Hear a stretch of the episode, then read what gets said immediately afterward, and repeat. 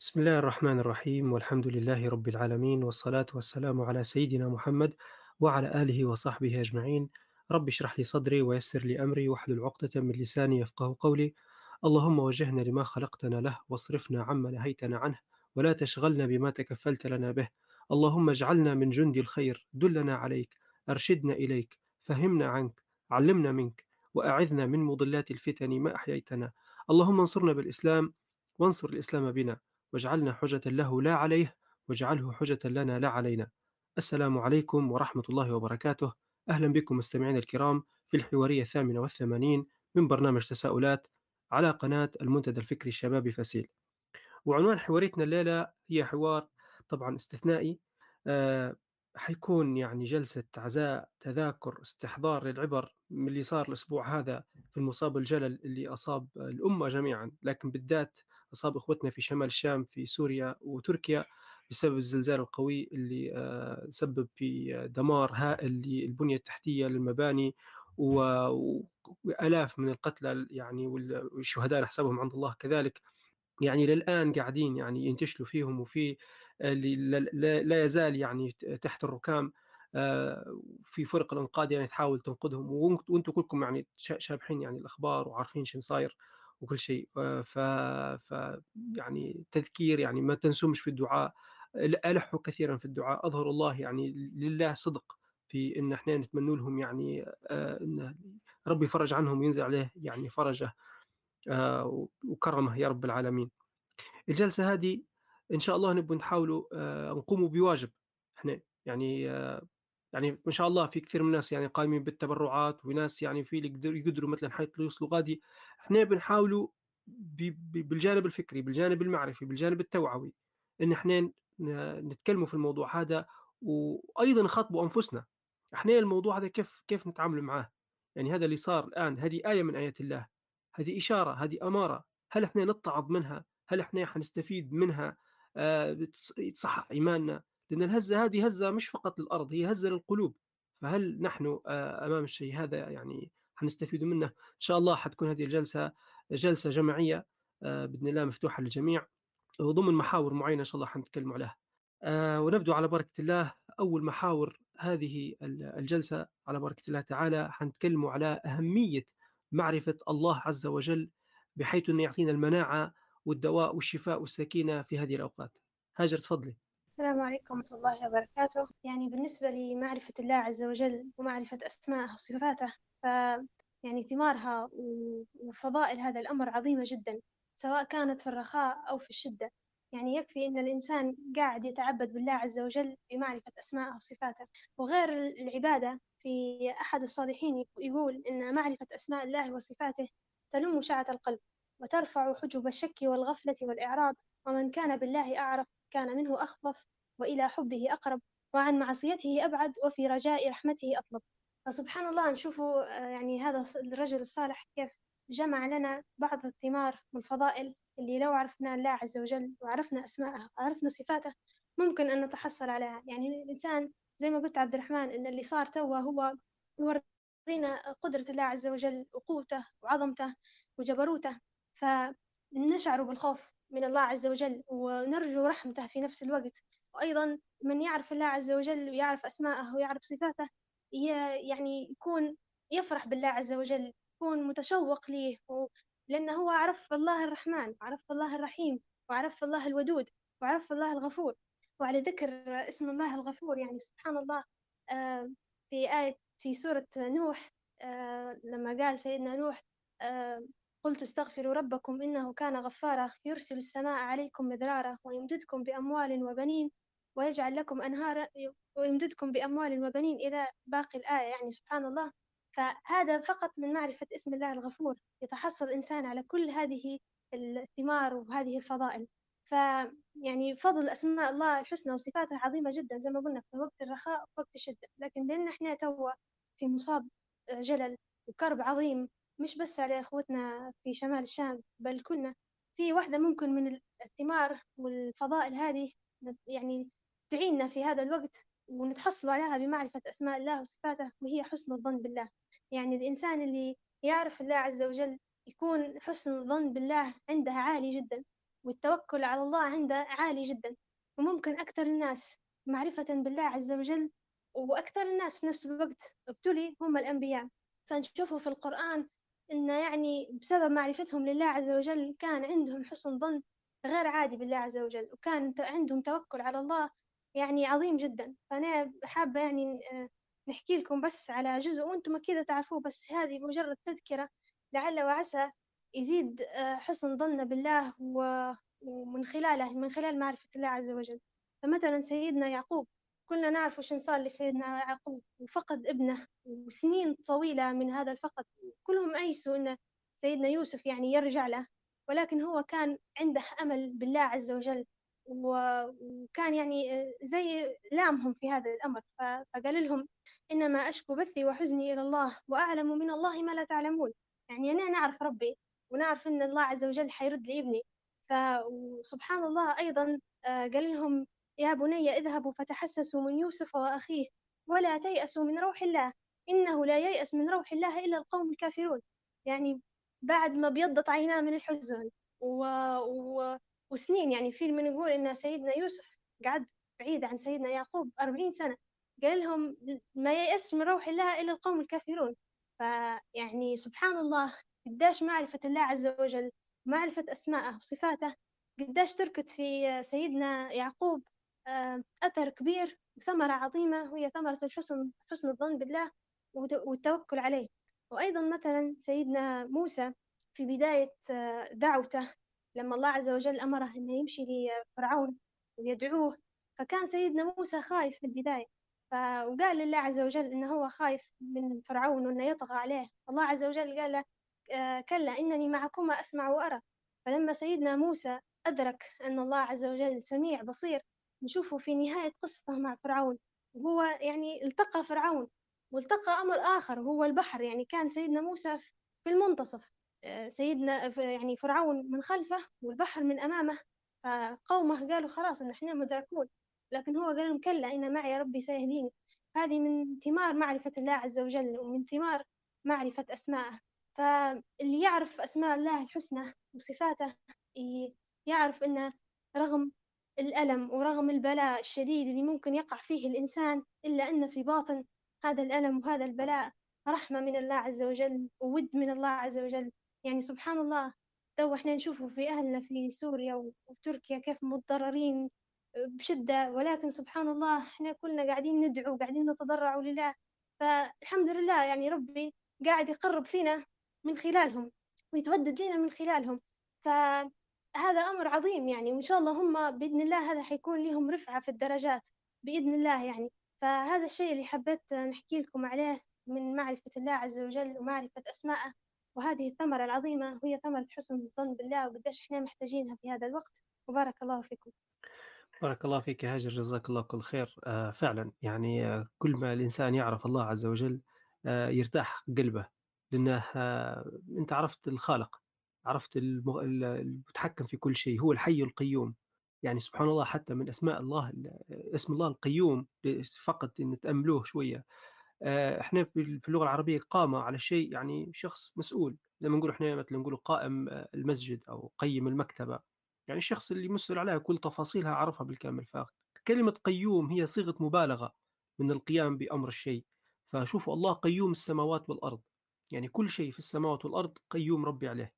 ما فيش حاجة تصير إلا بإذنه بأمر منه بإدارته بإشرافه بكل المعاني هذه. فأي شيء حتى مثلا زلزال يحدث كارثة تصير هي بأمر الله. في. يعني لما نعرف إن هذا الله قيوم هذا كل شيء قائم عليه. ذات الوقت الله رحمن رحمن رحيم حكيم تزيد علينا الراحة والطمأنينة. إنما ما الأمر هذا مش ضرر مش يعني مش شر مطلق لنا. إحنا مرات الشرور هذه البسيطة اللي في الدنيا هي وراها خير كبير. إحنا ما نعرفوش شيء فهذه الأوامر أو هذه نقول إحنا هذه الأشياء اللي تحدث تحتاج من المؤمن إنه هو يكون عنده التسليم والرضا بالقضاء والقدر. فالعبودية هذه بالتسليم والرضا والقضاء والقدر آه، ممكن صفية تحكي لنا عليها. السلام عليكم ورحمة الله وبركاته. بالنسبة لي التسليم والرضا بالقضاء والقدر يعني أولا كل مصائب الدنيا هي من الله سبحانه وتعالى كن فيكون كل في كتاب مبين. فهنا لازم المؤمن يعرف أن أعلى درجات اليقين هي الرضا بمواضع القدر وزي ما قالت هاجر آه الرضا يأتي بمعرفة الله سبحانه وتعالى وقلة الرضا يأتي بقلة المعرفة بالله سبحانه وتعالى. هذا الزلزال لما ضرب ما جاش باش يورينا حجمه. الحقيقة رجعنا إحنا لأحجامنا لأن العبد عبد والرب رب. سبحان الله رب العباد لا يعطي العبادة إلا ما يصلح لهم فمرات الإنسان سبحان الله عبد الله غني لا يصلح به إلا الغنى لو أفقره الله لفسد حاله. مرات فقير لا يصلح به إلا الفقر لو أغناه الله لفسد حاله. مرات مريض وصحيح. فنتذكر آه، الحديث عجبا لأمر المؤمن آه، أمره إن أمره كله خير يعني. ليس ذلك لأحد إلا للمؤمن. إن أصابته سراء شكر فكان خيرا له. وإن أصابته ضراء صبر فكان خيرا له. فسبحان الله يعني العبد لو لما يرضى ويحتسب ويصبر فهو مأجور إنما يصبرون الصابرون أجورهم بغير حساب. والصبر على الابتلاء يعني منزلة عظيمة جدا. آه، والكلام هو طبعا سهل ولكن الفعل وال...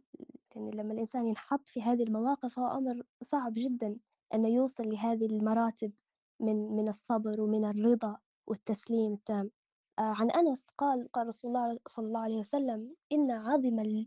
إن عظم الجزاء مع عظم البلاء وإن الله عز وجل إن أحب قوما ابتلاهم فمن رضي فله الرضا ومن سخط فله السخط فسبحان الله هذا يعني مؤشر لازم نستقطوه لأن يعني إياك والسخط ليش؟ يعني يقول لك حد ليش أنا؟ ليش هم السوريين؟ سبحان الله شوفوا في سوريا ليهم 12 سنة تتوالى عليهم المصائب.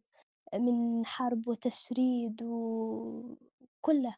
فلما الإنسان يعرف يقينا أن كل شيء وقع ليه أراده الله وسمح به الله وهو يعني لحكمة من الله سبحانه وتعالى هنا الإنسان يرتاح. يعني ما دام من الله فالحمد لله كل شيء لحكمة. زي ما قال سيدنا عمر بن الخطاب يعني لو عرضت الأقدار على الإنسان لاختار القدر الذي اختاره الله له. يعني مش فرض هذه الحكمة الإلهية والابتلاء مش فرض أن الإنسان هو يعرف أو يفقه الأسباب. مجرد ما يعرف أن هو من الله المدبر يرتاح سبحان الله. وهذا هو يعني هذا هو التسليم والعبودية للخالق سبحانه وتعالى. في نفس الوقت في نفس الوقت هذا الرضا وهذا التسليم بالمصيبة لا يعني أن إحنا أو ما ينفيش أن إحنا نقبل الحزن ما فيش تضاد بين الرضا بأمر الله سبحانه وتعالى وأن الإنسان يكون حزين على ما حصل له والدليل قول النبي عند موت ابنه إبراهيم آه، إن العين لتدمع وإن القلب لا يحزن ولا نقول إلا ما يرضي ربنا وإنا لفراقك يا إبراهيم لمحزونون. فإحنا فعلا اليوم نقول إن العين لتدمع وإن القلب لا يحزن ولا نقول إلا ما يرضي ربنا وإن لما حصل بك يا شام لمحزونون. فهذا هذا يعلمنا حتى التأدب مع الله سبحانه وتعالى عند الابتلاء. نحن كيف نتصرف وقت الابتلاء؟ وأن الابتلاء هو شعار الصالحين يعني وميراث النبوة. سبحان الله ما فيش نبي ما مرش بابتلاء. سيدة عائشة حتى هي في حادثة الإفك وسيدة مريم وكل الأنبياء مروا بابتلاءات. فمن قل حظه من الابتلاء في الحقيقة قل حظه من ميراث النبوة. يعني الإنسان يقول مرحبا بشعر الصالحين لما يبتلى. فلما تتشرب هذه المعاني سبحان الله وتحس بالجانب الجمالي من الابتلاء نظرتك وشعورك وتعاملك مع الابتلاءات والفواجع كلها حيختلف. ولما تعرف أن المبتلي يعني صار في معية الله هذا بروحه يعني يعطيك سكينة وطمأنينة لقلبك. وهنا يتضح أصل الرضا. آه، هو أصل الرضا لك سبحان الله مش متعلق بالأحداث يعني مرات الإنسان يكون حالة خير من غيره. مرات يكون مرتاح آه، غني لكن هو مش راضي. مرات مثلا هو مثلا يربح مية دينار في اليوم متعود أنه هو يربح مية دينار يجي يوم يربح ثمانين فهد يسأله مثلا شنو يقول له والله ناقص عشرين ناقصوني عشرين ما يشبحش للثمانين في ناس هيك لا ترضى.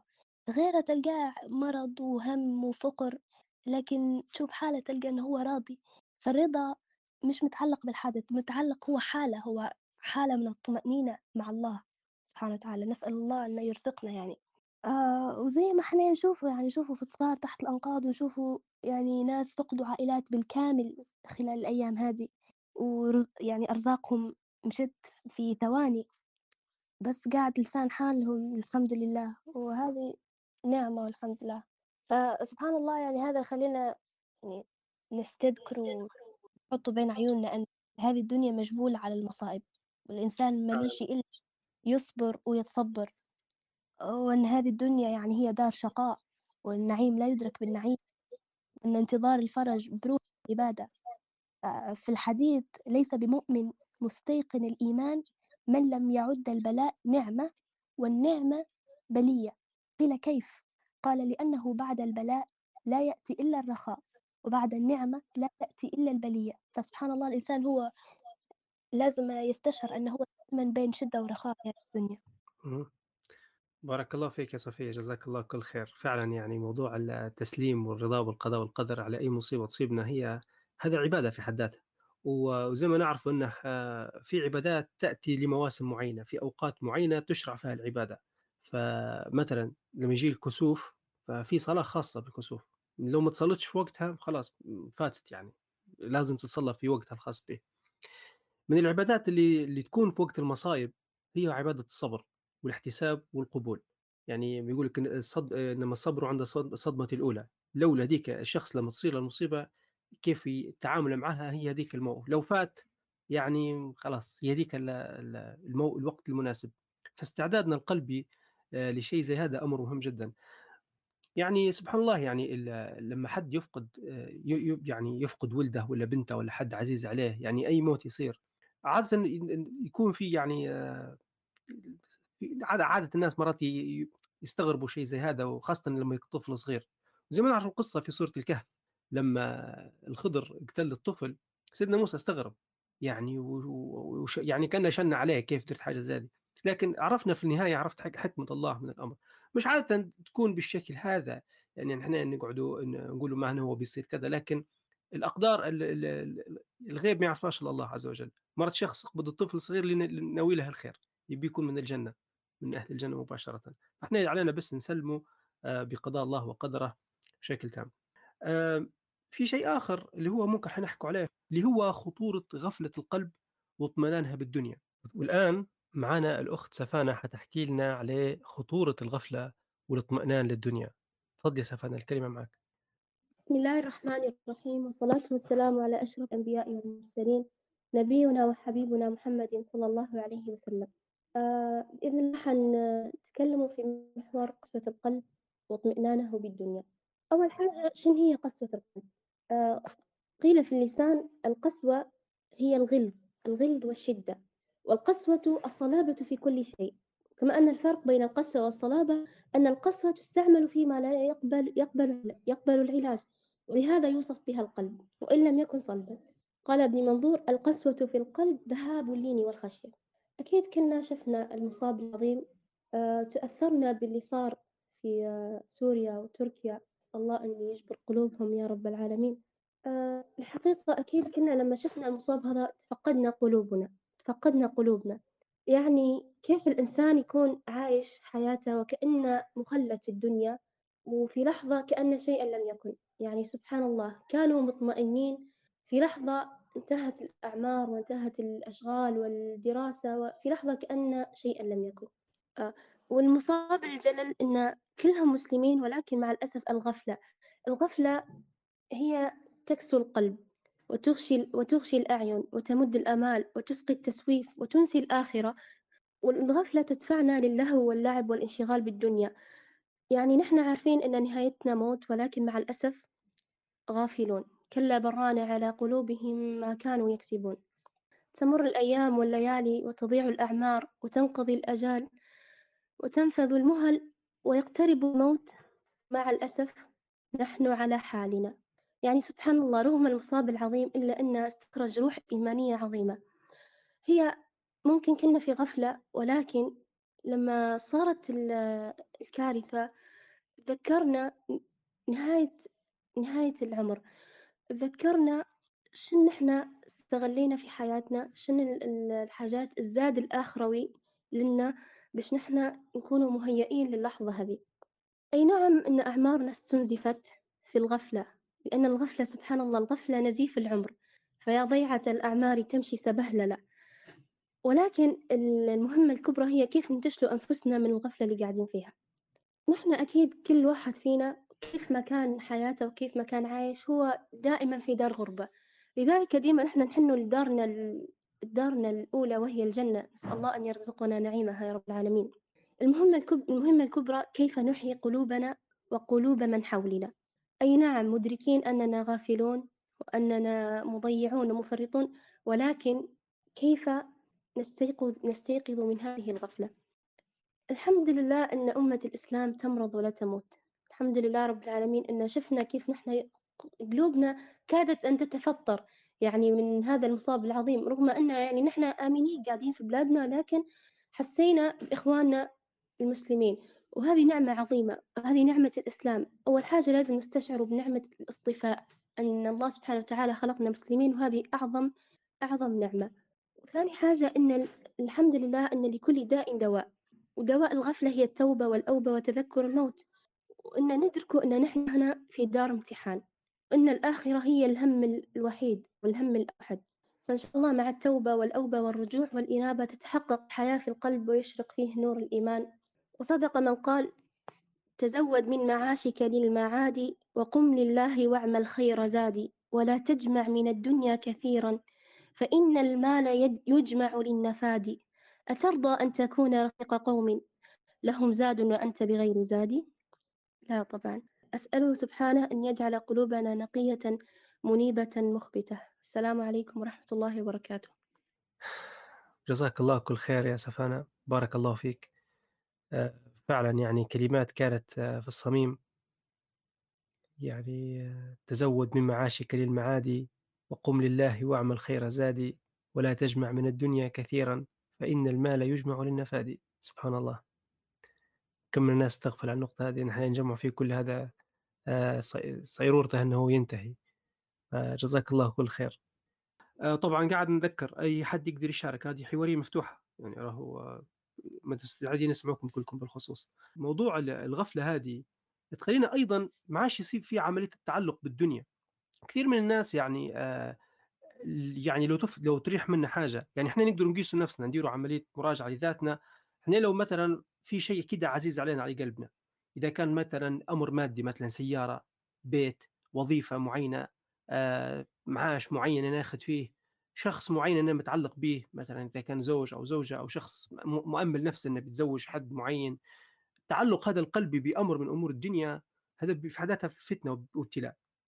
تخيل نفسك إنك أنت فقدت الشيء هو اللي أنت حريص عليه أو أنت مثلا عندك ابن أو بنت فقدتها. شين شعورك؟ كيف تصرفك راح يكون؟ هل أنت في لحظة تقدر تقول بينك وبين نفسك إيه أنا هذا كله أمر من الدنيا ولا؟ كان ربي قدر أنه هو يروح مني عادي أنا مسلم آه، قضى الله وقدره وأنا حنقعد صابر. وهل أنت عن هل إحنا مستعدين بالاستعداد هذا؟ هل نذكروا في نفسنا إن نراه في أي لحظة هذا كل اللي إحنا معاه ممكن يضيع؟ هل قلبنا حيكون راضي؟ هذا هو آه، موضوع المجاهدة. الشيء الثاني اللي هو وحاجه أمر خطير يعني وهل العلماء تكلموا عليه اللي هو الأمن من مكر الله. ان الشخص لو حس نفسه إنه آمن خلاص أنا مغفور لي أنا بخش الجنة أنا ما دامني صليت أنا ما دامني زكيت كذا خلاص يعني حاس نفسه إنه هو خلاص خذيه جارنتي أو ضمان للجنة خذيه سك خلاص إن أنت لو شخص وصل للنقطه هذه فهو يعني كبر عليه أربعة. يعني راهو يراجع روحه راهو في خطر خطر كبير جدا. إذا كان الشخص حاس نفسه انه هو ضمن الجنة وأنا خلاص مرتاح دائما راهو مرات تفتن أو تبتلى في أشياء يعني ونسأل الله لا يبتلينا في ديننا. انه يطرح عليك يعني لذة الطاعة ولذة العبادة. سبحان الله امس كنا في في جلسة في نادي القراءة نتدارس في اسم الله القابض الباسط. فكانت واحدة من آه، من الأمور اللي يقبض فيها قبض الروحي للعبد انه يعني من الناحيه الإيمانية وغيرها انه هو لما يبدأ عنده العجب لما يشوف نفسه أنا آه كويس أنا تمام أنا يبدا يشوف في نفسه انه هو أموره طيبة. لو وصل للنقطة هذه حيمنع منه بركة الإيمان وغيره. ففي الفترة هذه لما عشان نتكلموا على موضوع الغفلة ولا وإحنا المفروض ما نطمئنوش للدنيا وما وما نبدوش آمنين لمكر الله عز وجل بينا إحنا محتاجين في هذه اللحظة إن إحنا يكون قلبنا وعملنا وقلب يعني في خشوع دائم لله في استحضار دائما للاعمال آه، الصالحة.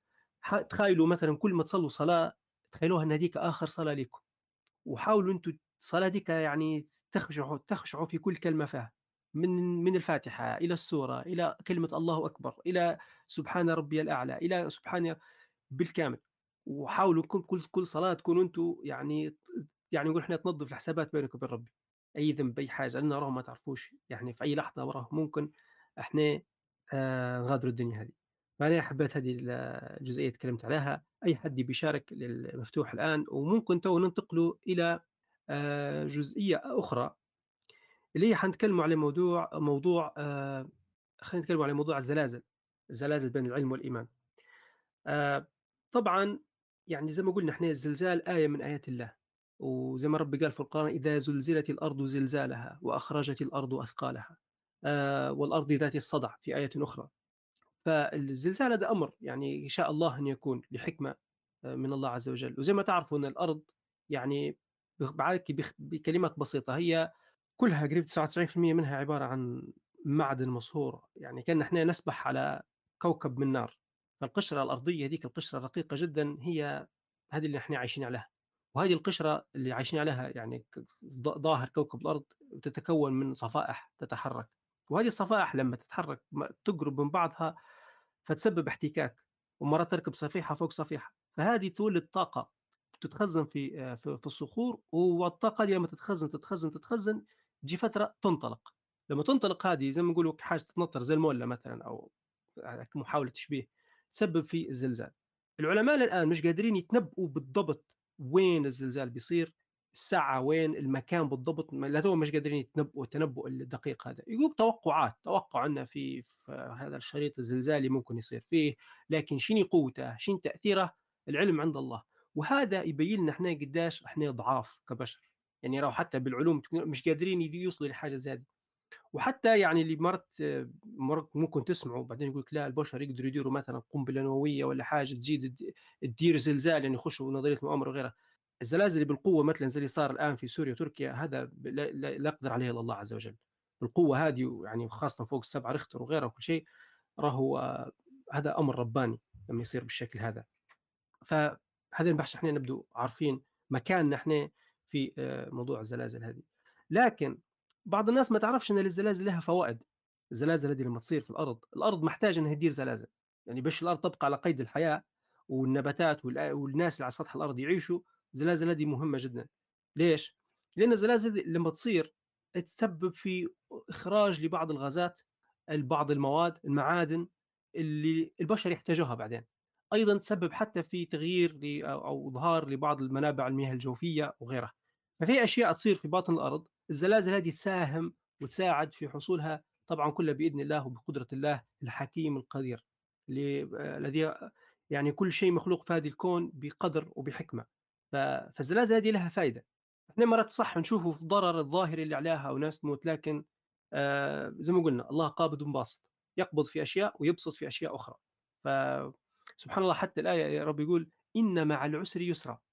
ما قالش ان بعد العسر يسرا لا ان مع مع معها. يعني فصل العسر له في يسر مضمور إحنا ما نشوفوش فيه. فالتأمل في آه آية الزلازل وغيرها طبعا حتى البراكين وغيرها إحنا ممكن نشوفه ديما في الظاهر نتاعها لكن ننسوا إن في آه في باطنها خير. أيضا من الفوائد الأخرى للزلازل اللي هي زي ما قلنا إحنا تذكيرنا بالآخرة. الآية إذا زلزلت الأرض زلزالها هذا اللي شفناه هو مش هذاك زلزال الأرض زلزالها الكامل يعني يعني زلزال يعني شيء معناه الأرض كلها تتزلزل مع بعض هذاك في يوم القيامة.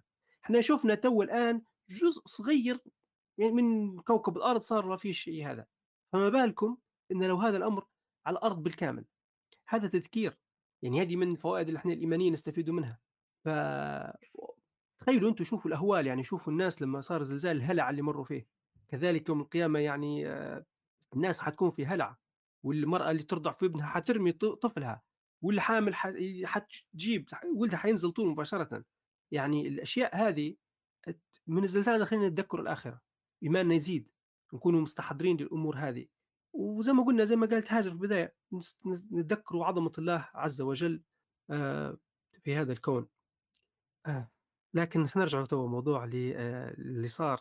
فرغم البعد بين إحنا وبين الناس اللي صار فيهم الموضوع هذا. وكذلك حتى المؤمنين والمسلمين اللي في السابق وفي مناطق أخرى تعرضوا ل يعني مشاكل ونكبات يعني زي ما صار مرة في إندونيسيا زي ما صار في آه، في كشمير زي ما يصير في أكثر من مدن مرات مش فقط زلازل في حتى كوارث يعني أخرى يعني حروب إبادات يمروا بها.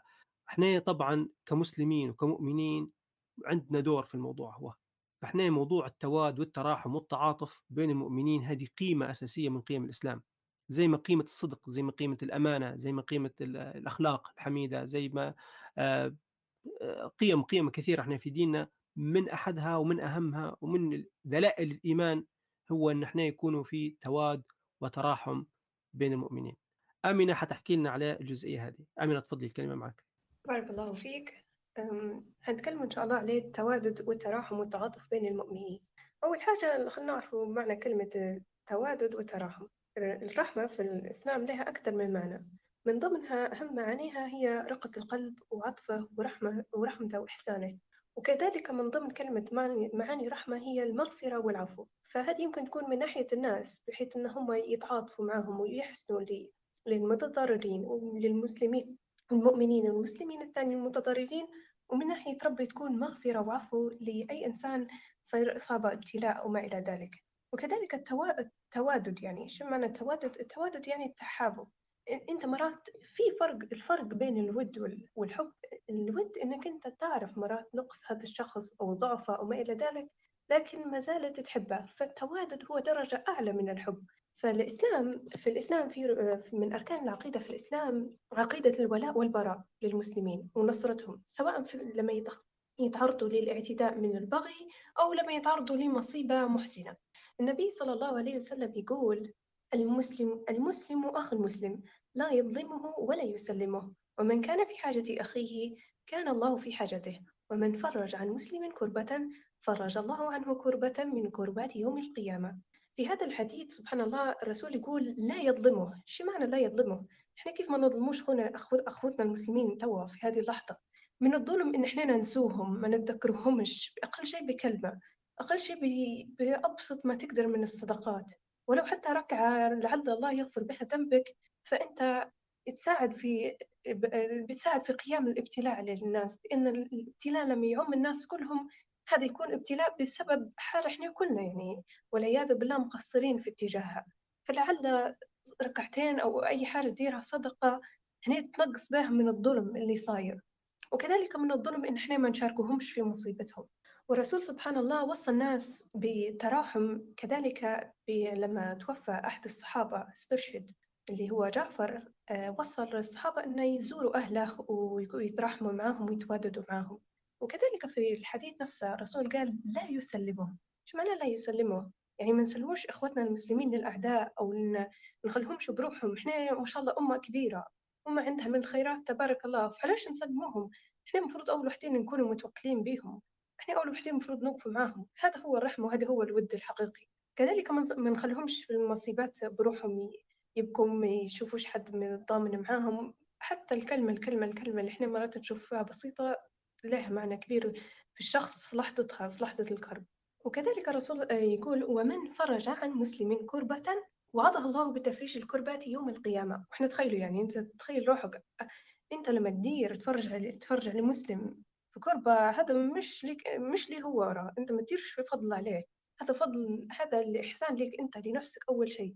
هذا أول شيء بينفك يوم القيامة. تخيل أنت في يوم القيامة قداش تحتاج واحد يجي ينقص عليك ولو هبت ريح تجي شوية تنقص عليك فيجي هذه تفريج الكروبات والتوادد والواحد يجي يفرج عليك أنت شعور لا يصدق هذيك اللحظة.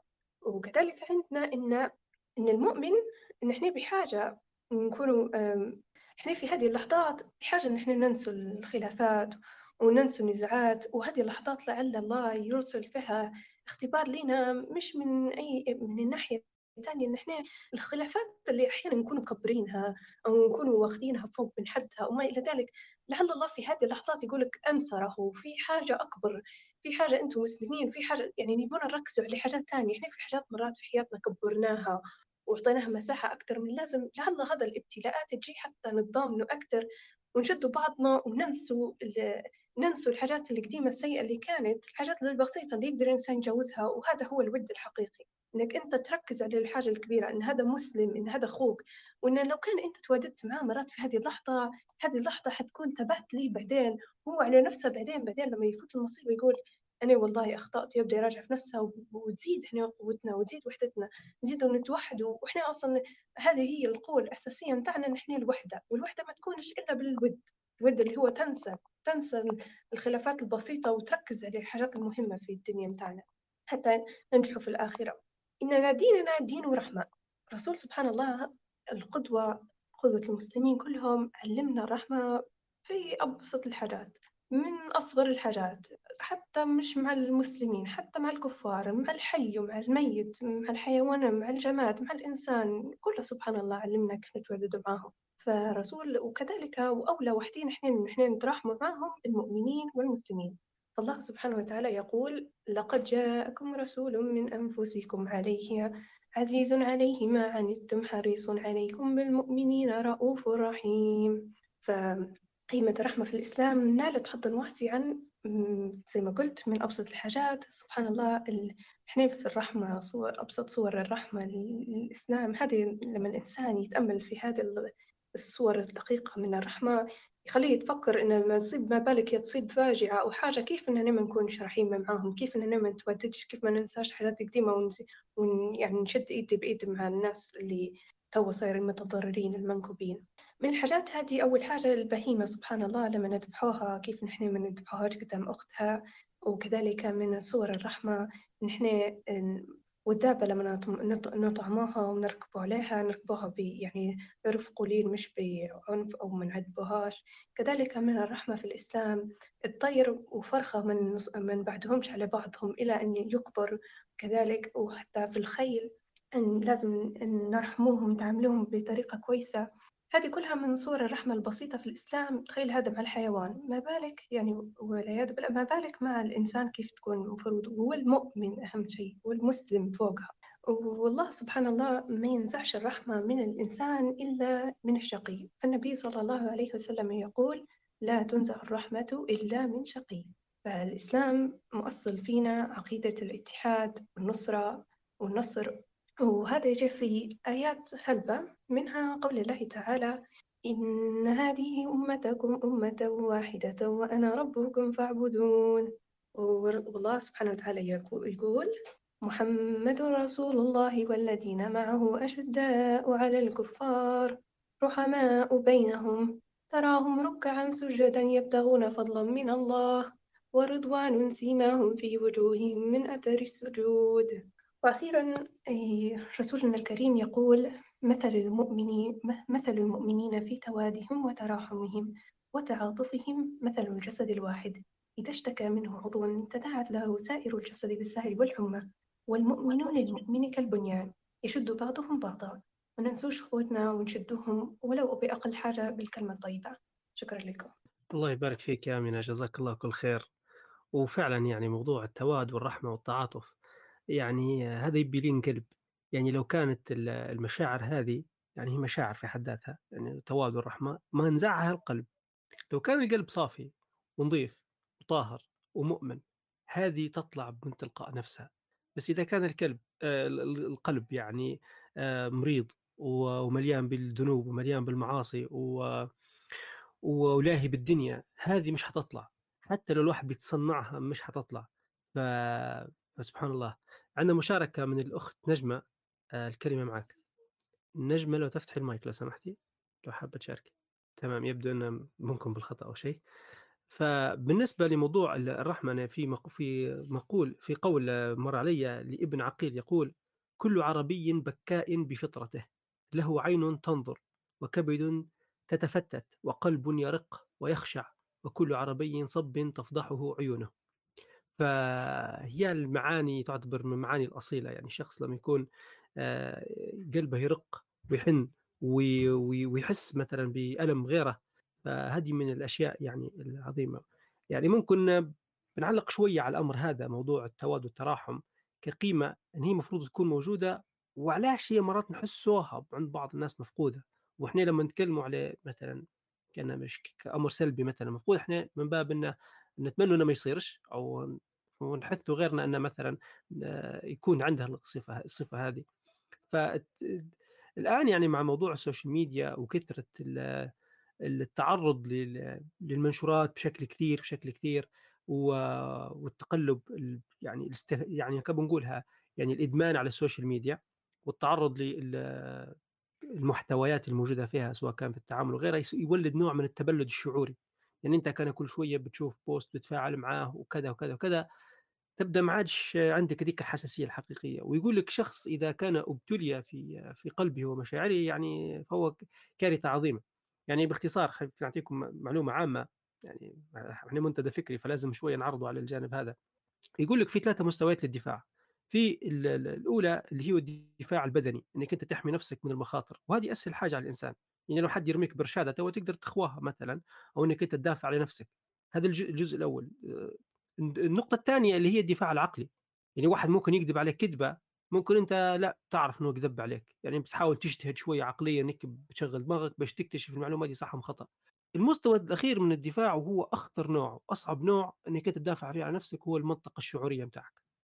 إذا كان الشخص اخترق في شعوره فهو لا عاد يقدر يعرف الشيء المحزن مفروض نحزن عليه ولا المفرح مفروض نفرح فيه يبدا ما تلخبط عليه الشعور. وهذه مرات تلاحظوها عند الشباب الصغير تلقى مرات تصير حالة وفاة في العائله هو عادي ولا كأنه ولا كأنه. خلاص ما عندنا شيء نضرب في قلبه. أصبح يعني كأن الترمومتر بتاعه هذا ما عادش يخدم. فنسأل الله السلامة. أم عبد الله عندها مشاركة بالخصوص. أم عبد الله لو تفتح المايك لو سمحت. السلام عليكم. وعليكم السلام ورحمة الله. حياكم الله جميعا وصلى الله أن ربي يجعل هذا الوقت طيب مباركا فيه إن شاء الله تعالى. وبارك الله فيكم على هذا الطرح. معكم إيمان المغيربي. آه، بداية آه، الحمد لله والصلاة الحمد لله والصلاة والسلام على رسول الله. آه، في نقطة لو سمحتوا لي إن نحب نعرج عليها في هالظرف اللي حدث. آه، هو زلزال وهزة أرضية ولكن سبحان الله معذرة اللي بنبدأ بالنقطة هذه. والعديد من المنشورات اللي رأيناها إنها إذا زلزلت الأرض زلزالها وأخرجت الأثقال أخرجت الأرض أثقالها. آه، سبحان الله العظيم. أخرجت النفوس أيضا ما كانت آه، آه، ما كانت تحاول إخفاءه من من عجيب أمر البشر. ما بين نفوس شامتة ما بين نفوس لا يعلم الإنسان صراحة حتى كيف يصنفها. هو حدث حدث صار بقدر الله في آه، الدول الإسلامية في دول مسلمة في مدن بالمعظم هي المدن اللي آه، كما يقال آه، محافظة وناس نحسبوهم على خير والله حسيبهم. سبحان الله العظيم. فخرجت الأصوات أو تعالت أو تعالت المناشير إن هذا الزلزال عقوبة من الله وإنه يعني كأنها أرسله عقوبة وعذاب عليهم. آه، استخدمت الآيات في غير أو استدل بها في غير محلها. سبحان الله العظيم. فرأينا الشامت رأينا المهتزي رأينا لا أعلم حقيقة كما أسلفت كيف الإنسان يصنف بعض هذه الآراء. آه، اللي نحب نذكر به آيات الله العظيمة وإنه الزلزال آه، من علامات يوم القيامة يكثر الزلازل والخسف.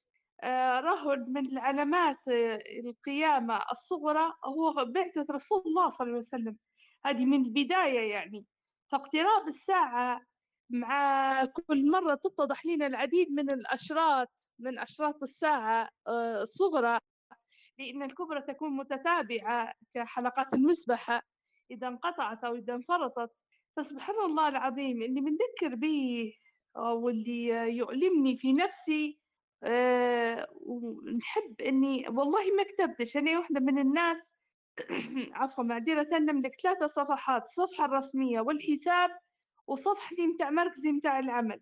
ما كتبت شيء عليه لأن حسيت الحبر الحبر ال ال الإلكتروني متاع هذا الفضاء ما طوعنيش.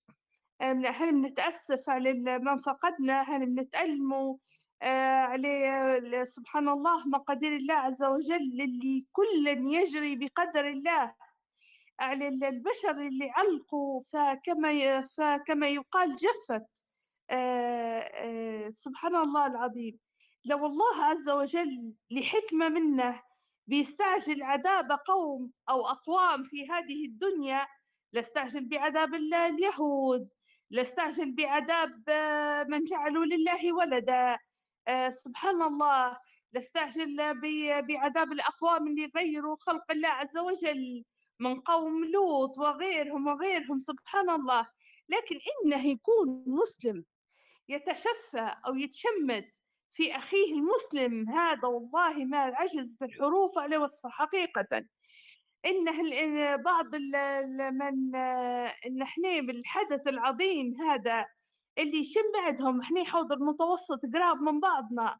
آه ونذكر إنه مثلا كالزلزال هذا اللي حدث حدث عندنا في المرج. في الأربعينيات القرن الماضي أو الستينيات لا أذكر حقيقة فكان زلزال مدمر. فسبحان الله آيات الله لما تحدث نستعجب منها والإنسان يذكر نفسه ويعظ نفسه ولكن قلب المؤمن إذا ما حسش بأخيه المسلم سبحان الله العظيم. يعني عجيب المسلمين مثلا صنفوهم سياسيين من الاتجاهات السياسية وموقفهم مع تركيا وأغلب الأقلام سبحان الله العظيم إنهم آه، شماتة في الترك لكن هم شن هم آه، شن دينهم إخوتنا من هالمدن اللي سبحان الله آه، يعني سويت بالأرض شيء عجيب جدا جدا اللي اللي إحنا ليبيا لو نرجع حتى على التعاضد والتكافل الإسلامي سبحان الله اللي هو يعني تعاضدنا مع بعضنا هذا من صميم ديننا وهذا من واجب المسلم على المسلم. آه، فسبحان الله ليبيا في كانت آه، فرسان القديس يوحنا اللي هم مالطا كانوا يتطاولوا علينا. فينيسيا اللي هي البندقية اللي هي مدينة ضئيلة الآن في إيطاليا كانت تتطاول علينا. فرسان القديس يوحنا كانوا واصلين آه، ملكهم في ليبيا إلى إلى أعماق بن وليد والمناطق اللي من بعدها. فلولا أن قيض الله للأمة ولهذا الدين الدولة العثمانية لحماية ديننا وحمايتنا سبحان الله ماذا كان سيكون مآلنا ومصيرنا؟ هنا تعريج بس لبعض النفوس الحاقدة آه، لا ترك. وهم أول من يتسابق ويقتتل حتى على السفر والذهاب إليها سبحان الله العظيم. فبالمجمل إنه ما رأيناه. من هالمحنة العظيمة سواء إذا كان لإخوتنا في تركيا ولا لإخوتنا المصابين مصابا فوق مصاب يعني في سوريا. فنسأل الله فرج عجيب ولكن سبحان الله مع كل محنة كما أسلفت هو زلزال في الأرض وزلزال أصاب النفوس.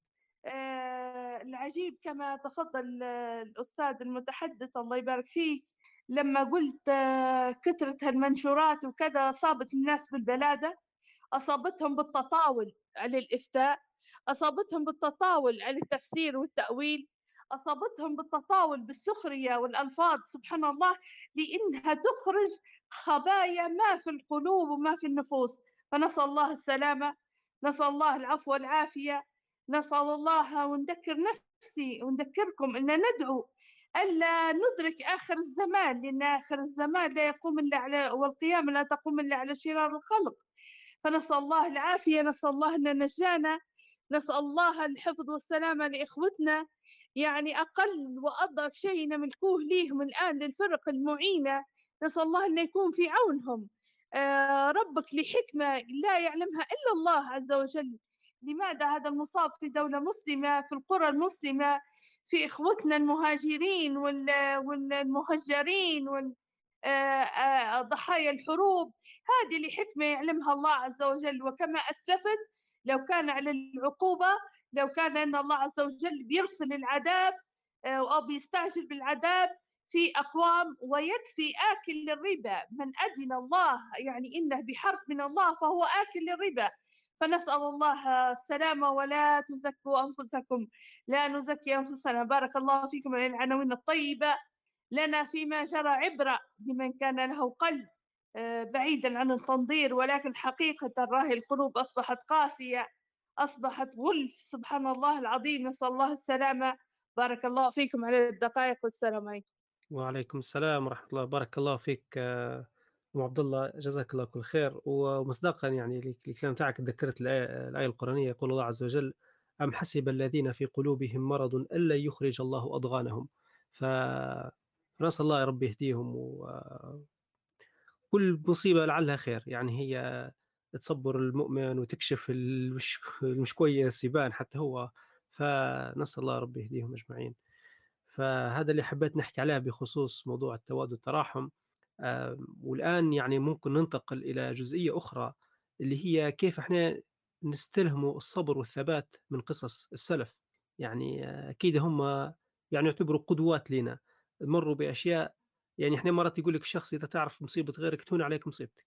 وكان تعرف أنت الناس القدوات اللي في الماضي كيف مروا بالمصائب والبلايا حنعرف إن إحنا ما, نهولوش الأمر لأن في الأخير ما ما يجي شيء قدام اللي فات. فالمرة دي معنا شهد حتحكي لنا على موضوع استلهام الصبر والثبات من قصص السلف.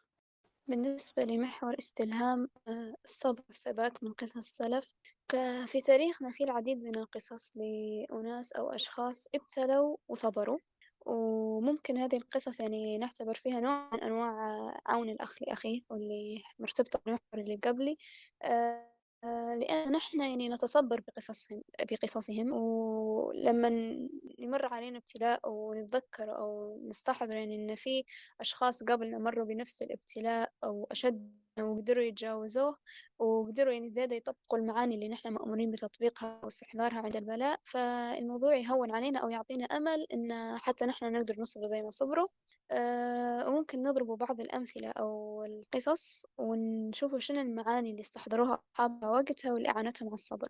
آه، لو نجو مثلا لسيدنا موسى عليه الصلاة والسلام كان من أشد الأنبياء تعرضا للبلاء وصبر وثبت. آه، رغم أن الله سبحانه وتعالى يعني قال لسيدنا موسى في سورة طه ولتصنع على عيني يعني ومنها اللقطة هذه أن سيدنا موسى كان أشد الناس تعرضا للبلاء ومع ذلك يعني ربي قال له ولتصنع على عيني نفهم أن آه، لما تكون تحت رعاية الله أو لما تصنع آه، تحت عين الله.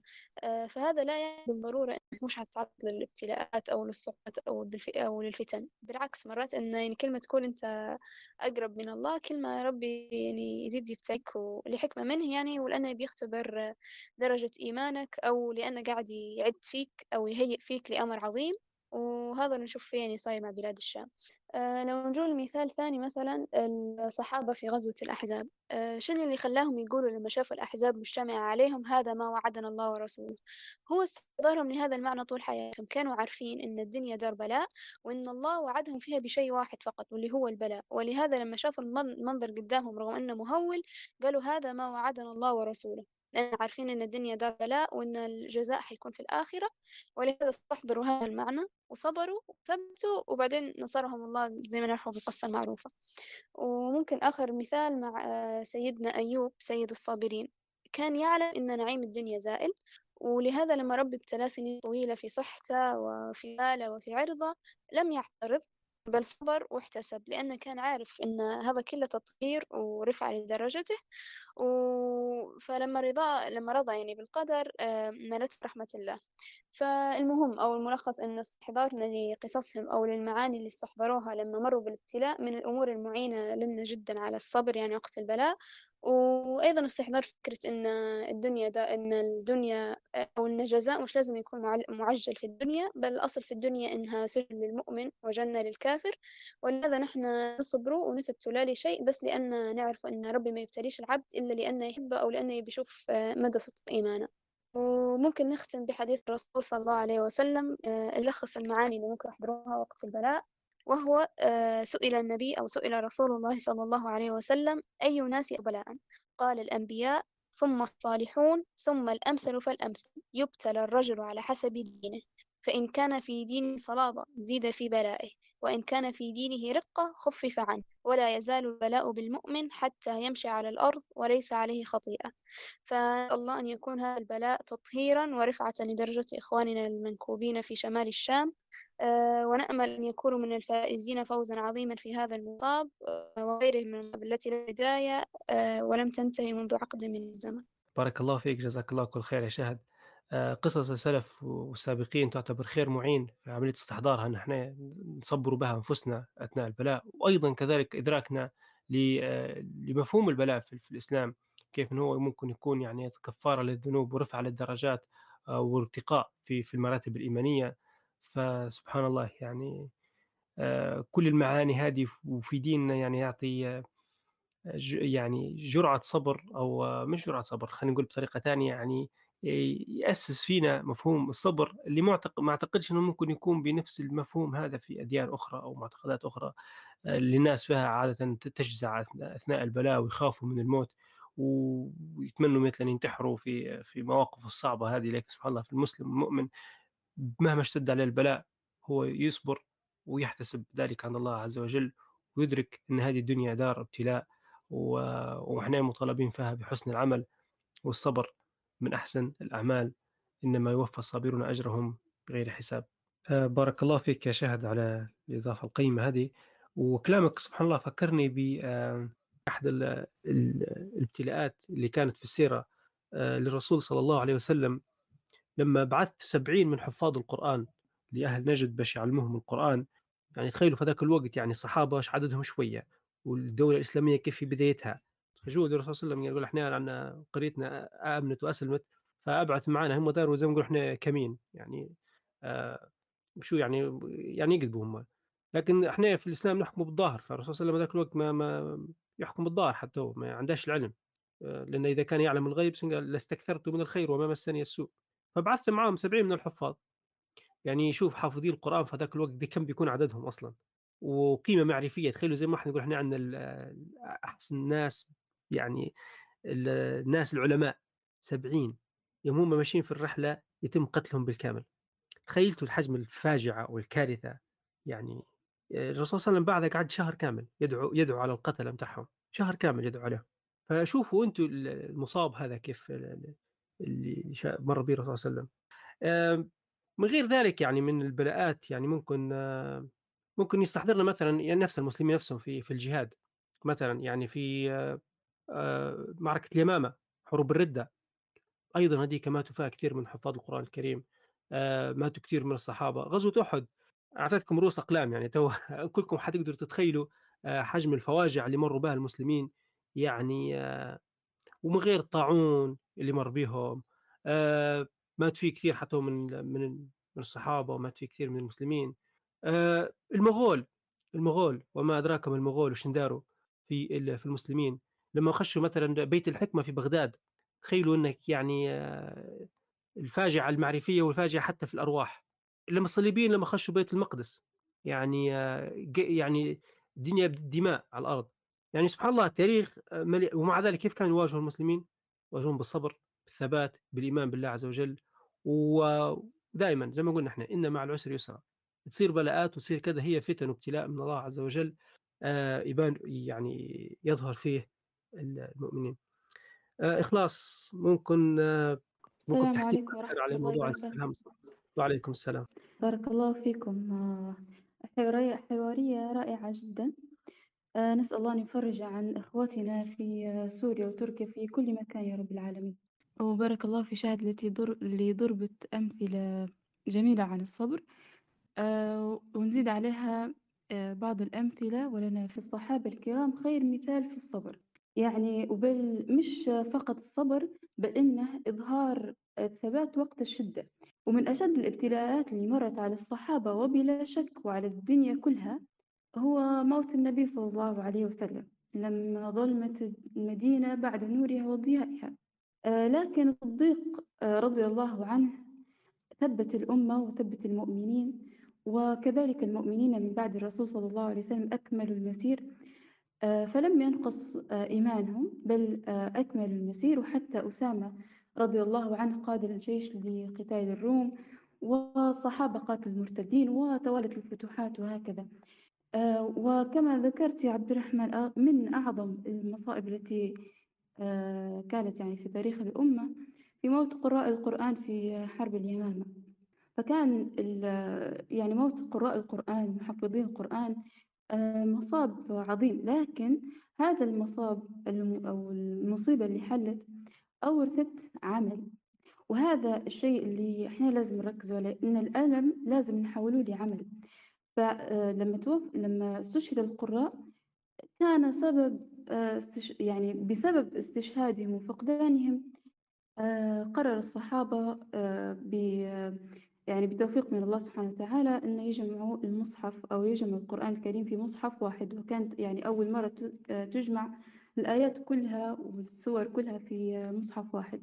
وهيك إحنا لازم نحول الألم إلى عمل. وطبعا في الحديث عن الصبر لازم نتذكر الأنبياء.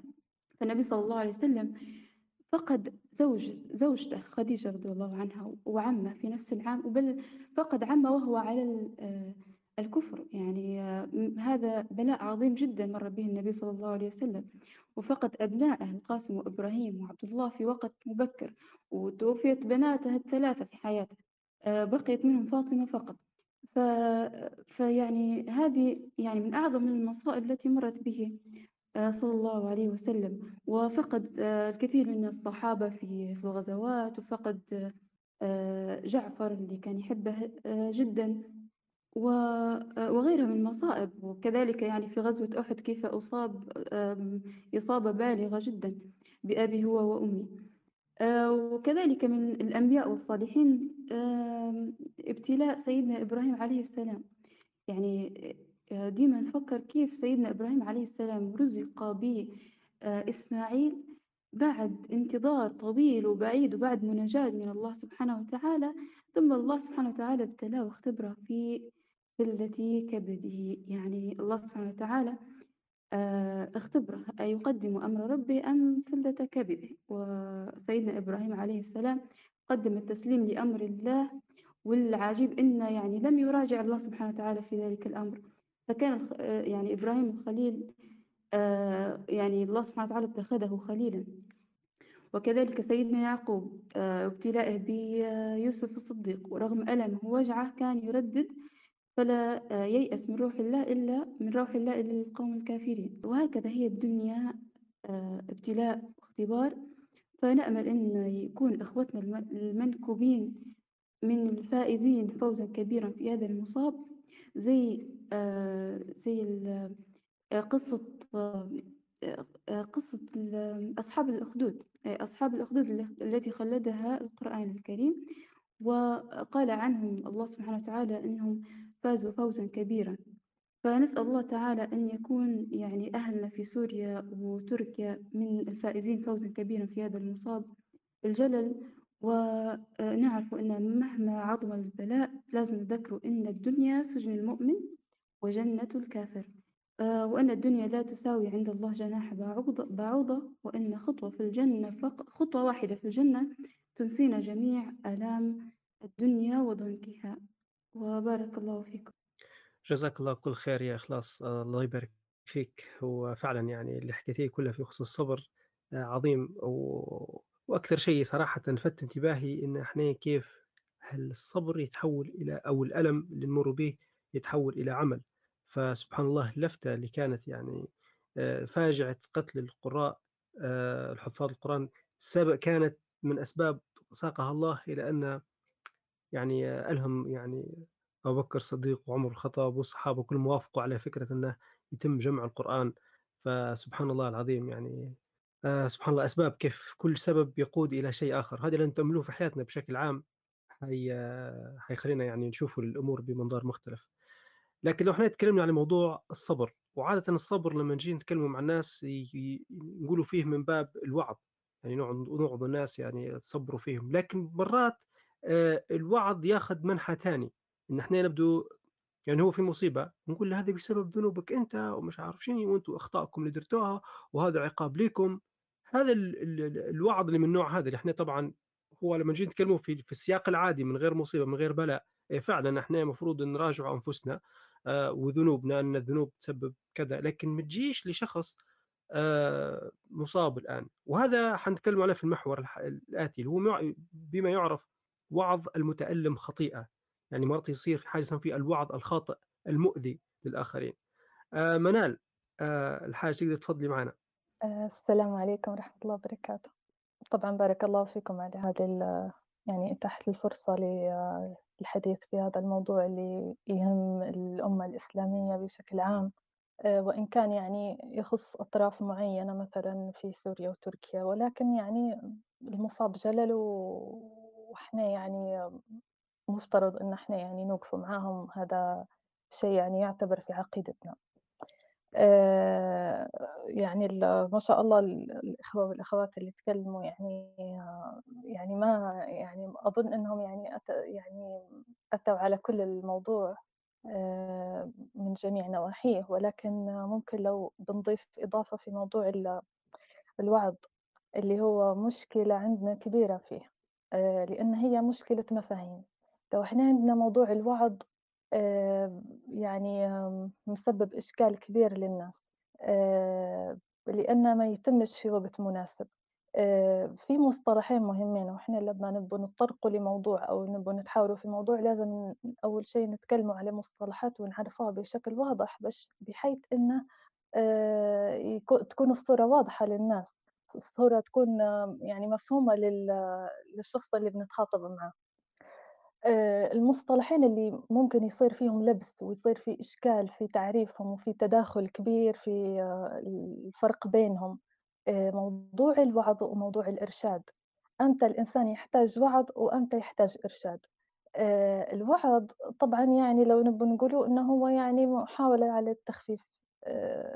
التخفيف على الإنسان يعني يشعر بالضعف يشعر بقلة الحيلة أصابته مصيبة آه، حدث استثنائي زي هذا الحدث اللي صار الزلزال اللي صار والناس يعني ما كانتش متوقعة الحروب اللي تصير. هل حاجات ممكن لو تندرج تحت الموضوع هذا؟ آه، واللي هي في الحالة هذه تحتاج لنصائح قلبية حاجات نصائح عاطفية حاجات شعورية. تلامس وجدان هذا الشخص مباشرة. بحيث أن هي تعمل كمسكن أو مخفف تخفف عليه ألم أو وقع الصدمة عليه. الشيء الثاني اللي هو موضوع الإرشاد. موضوع الإرشاد هذا أنا نبي نقترح على الشخص اللي قدامي هذا خطة عملية شاملة وثابتة ومدروسة باش تساعده هو ينهض بحياة من جديد.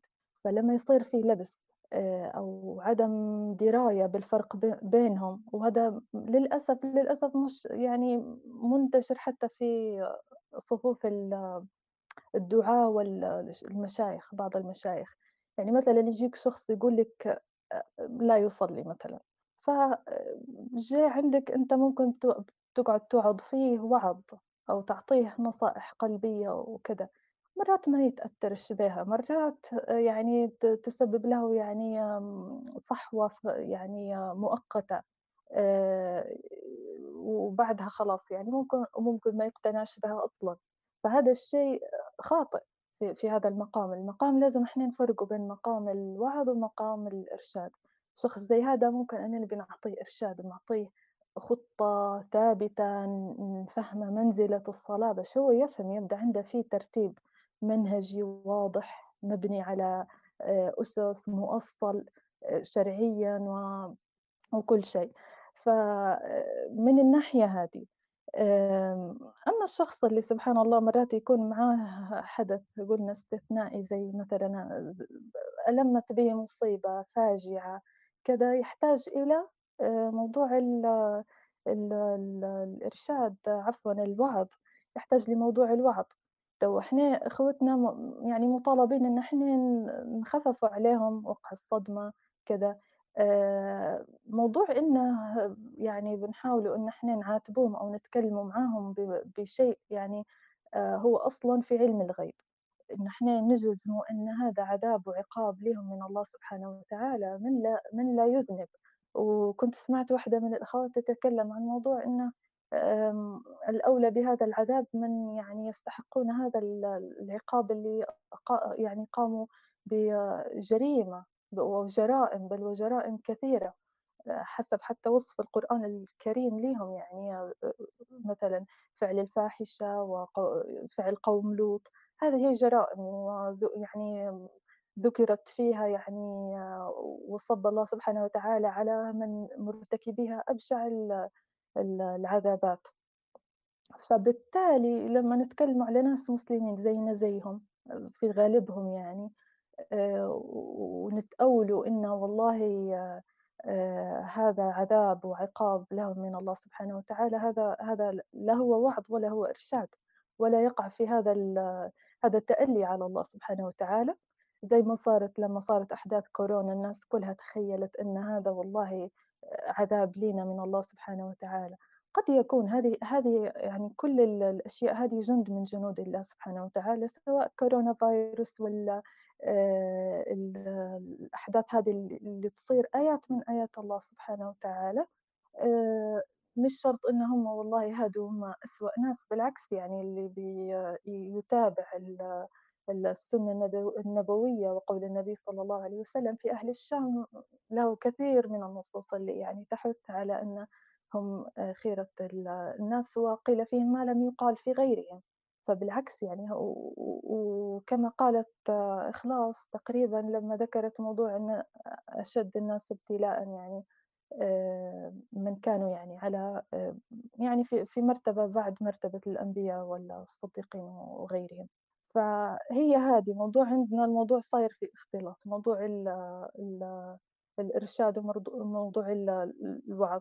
آه، محتاجين طبعا لموضوع الإرشاد في إن إحنا نذكر الناس هادو بأن هذه منازل الرضا ومنازل التسليم واليقين وأن هي آه، قد يصل الإنسان بها إلى مرتبة الصديقية وهذه مرتبة عظيمة جدا عند الله سبحانه وتعالى. لو أن الإنسان فهم بشكل مدروس وصحيح أين يقع ابتلاؤه في آه، في خارطة الابتلاءات؟ أين يقع مقامه لو أنه هو توكل على الله سبحانه وتعالى وسلم آه، واحتسب و آه، آه، يعني يكون أجره على الله سبحانه وتعالى؟ مرات أنا اللي قدامي هذا يحتاج مثلا شيء مزدوج من موعظة وإرشاد مثلا 75% وعظ 25% إرشاد نشوفه مثلا مل. طبعا الناس المتخصصة في في هذه الأمور ولازم يلجأ لناس متخصصة في هذه الأمور لأن مش أي شخص يقدر يقوم بالشيء هذا. نشوف أن مثلا مل مثلا من من ال من الإرشاد وكذا نغير له شوية على الموعظة الأشياء القلبية بالشكل هذا. آه، فبس تقريبا يعني هو هذا. مرات قلنا أن الموقف لا يتحمل أكثر من ال من ال يعني نشوفه يعني نقدره ونوازنه بحسب حالة الشخص تقريبا. آه، فقط. بارك الله فيك يا منال جزاك الله كل خير. وفعلا في تمييز في فرق ما بين الوعظ وبين الإرشاد. آه، وسبحان الله يعني حتى الشخص لما يكون مثلا آه، على سبيل المثال أنت ذكرتي وإحنا تو تكلمنا على الوعظ الوعظ شوي ممكن نطلع شوي على الموضوع الكارثة والزلزال. لو شخص ما قلتي ما يصليش مثلا أو غارق في ذنب معين مرات الأسلوب آه، إنك أنت باش تنصحه يعتمد على عدة عوامل. أنت بتشوف الشخص هذا السياق اللي هو فيه شنو؟ هل هو مثلا في أسرة مثلا ملتزمة ولا لا؟ ولا هو عايش بروحه؟ يعني أنت لازم تعرف أنت السياق اللي بتنصحه فيه. آه، بتعرف مثلا هو شخصيته شنو؟ شنو الأشياء ممكن يحبها؟ فأنت لما تفهم شخصية تعرف ممكن كيف تعطي له نصيحة بالطريقة المعينة. في بعض الناس مثلا آه، بمجرد ما أنت تزكي له بعض ناس معينة هو مثلا يحترمهم كذا أو ممكن يميل لهم إن هم مثلا يصلوا أو يقوموا بالشيء هذاك ممكن لا يتأثر واحد ثاني ممكن تاخذه بيده ترفعه هيك ما تدويش معه تقيمه ترفعه الجامع يشوف يعني يوم ثالث يوم يتغير. مرات واحد ثاني معه بالتدريج تقول له مثلا دير حاجة معينة بس. في تمهيدات مرات أنت مرات تحتاج تمنعه من تعرضه لمحتوى معين يتفرج عليه باش قلبه ينضاف باش بعدين تجي المستوى الثاني من الوعظ فالوعظ مستويات. فقصدي العملية مش بال مش مش خط واحد هذا اللي حبيت نوصله يعني. العملية فيها علم فيها فنيات. كذلك حتى الوعظ يختلف حتى للعمر للشخص شخص صغير مش زي الشخص الكبير. فتفكرت الآن يعني السبطين الحسن والحسين يعني رضي الله عنهما كانوا صغار في العمر وكانوا شافوا راجل كبير مش عارف يتوضأ. فما يجوش يقولوا له يا عمي راه أنت تتوضا غلط ولا كذا. جو يديروا له بطريقة ثانية يقول له يا عم إحنا بمعناه يعني إحنا رانا نتسابقوا أنا وأخوي مثلا من يعرف يتوضا صح فإحنا حنتوضوا قدامك وشوف أنت مين اللي يتوضا فينا أنت خليك زي الحكم. فهم توضوا قدامه زي ما طبعا الرسول صلى الله عليه وسلم علمهم يعني جدهم. فهو الراجل أدرك إنه هو فعلا كان يتوضا غلط. فعرف وصلته المعلومة بطريقة ما تؤذيش مشاعره لأن إحنا نعرف انه صغير أو من الصعب يجي ينصح كبير يقول له دي أنت غلط ولا كذا فما يتحملهاش. فالمراعاة النفسية للأمور هذه لها دور. هذا مثال بس لمراعاة النفسية لشخص كبير. فما بالكم بشخص مكلوم شخص هو الآن في في يعني في ألم عظيم ما يعلم به إلا ربي يعني في كارثة فاجعة. هنا ممكن حناخذوا آه، أيضا مداخلة من الأخت رضوى بالخصوص آه، الوعظ الخاطئ هذا. السلام عليكم ورحمة الله وبركاته. آه، نقطة الوعظ الخاطئ تحت مسمى الدين فيصبح العنوان الوعظ الديني الخاطئ وهو في الأصل لا أساس لصحة هذا العنوان إنما هو وعظ خاطئ من أصحابه ممارسي هذا العمل ومتبني هذه الفكرة فكل ما هو إسلامي واضح لا يجلب إلا الخير والنفع. فأخذ هؤلاء مواقع التواصل الاجتماعي منبرا والدين عنوانا وهو في الحقيقة فعل مشين لا ينتمي للدين بأي صلة ولكن لعله نابع من فهم خاطئ من فهم خاطئ أو قلة تريث وفهم للأمر. فالذي يسلط الضوء في مثل هذه الظروف على أن ذلك عقاب من الله سبحانه وتعالى أو سخط منه سبحانه عليهم, عليهم بسبب ذنوبهم أو ما إلى ذلك من إثبات كان عليه أن يتريث لفهم أحكام الوعظ وآلية الأمر بالمعروف والنهي عن المنكر وشروطها ووقتها وأنه حسب الوقت تكون هناك شروط أزيد وأن الموضوع ليس بسهل أبدا وأن الكلمة التي تخرج من فمه فهو محاسب عليها. يقول صلى الله عليه وسلم في منتصف الحديث عن أبي هريرة يقول صلى الله عليه وسلم إن العبد لا يتكلم بالكلمة من سخط الله لا يلقي لها بالا يهوي بها في جهنم.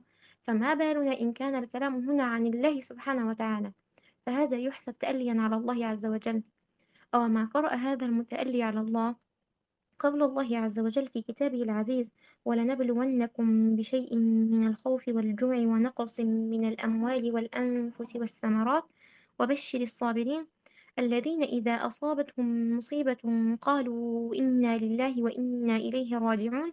أولئك عليهم صلوات من ربهم ورحمة وأولئك هم المهتدون. فكان لزاما عليه الامتثال للآية آه، بأن يبشر هؤلاء الصابرين المحتسبين بجزائهم عند الله سبحانه وتعالى وأنه وعدهم على صبرهم واحتسابهم هذا بصلوات منه ورحمة سبحانه ووصفهم أنهم هم المهتدون. ولا عليه البتة أن يتطاول عليهم أو أن يطالبهم بمزيد من الصبر أو يطلب منهم مزيدا من الصبر فوق صبرهم فالناس في مثل هذه الأمور متفاوتون في درجة الإيمان وفي ضبط المشاعر وفي, وفي قوة التحمل في مثل هذه الأمور والمصائب. وعليه ألا تورمنه أبدا نفسه التي بين جنبيه فالله وحده يعلم إن كانت نفسه هذه في مثل هذا المصاب ماذا كانت ردة فعله؟ فعليه أن يسأل الله العافية ويسأله سبحانه وتعالى أن يهون على إخواننا مصابهم, مصابهم. وكان علينا أن نتخذ سنة نبينا محمد صلى الله عليه وسلم منهاجا للتعامل مع هذا الأمر. فالسابقون لما فعلوا ذلك تمنوا أن يقدموا أولادهم وأحبتهم لله عز وجل.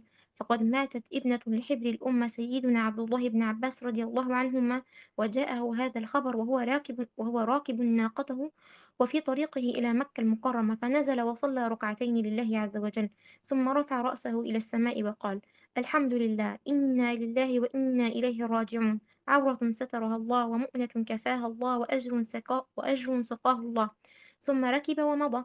فلما عوتب في ذلك قال ألم يقل, مو... ألم يقل مولانا عز وجل يا أيها الذين آمنوا استعينوا بالصبر والصلاة إن الله مع الصابرين. لماذا لم يذكر هذا المتألي على الله قول الله عز وجل هذا ولم ولماذا لم يبشرهم بأن الله سبحانه وتعالى مع الصابرين؟ وهو يزعم أنه سلك مسلك الدين وهو في الحقيقة كان بعيدا كل البعد عن ذلك المسلك. ليته كان بعيدا إنه كان في ضد الاتجاه. أو ما قرأ ذلك المتألي حديث رب العالمين القدسي الذي يقول فيه ما لعبدي المؤمن, المؤمن عندي جزاء إذا قبضت صفيه من أهل الدنيا ثم احتسبه إلى الجنة فلماذا لم يبشر هؤلاء المحتسبين الصابرين بأن الجنة هي جزاؤهم عند الله سبحانه وتعالى وهو يقر ويعترف ويقول أنه يتكلم باسم الدين؟ أين الدين الذي يتكلم عنه ورسول الله صلى الله عليه وسلم في هذا الدين؟ قال إذا مات ولد الرجل الرجل يقول الله تعالى لملائكته أقبضتم ولد عبدي؟ فيقولون نعم.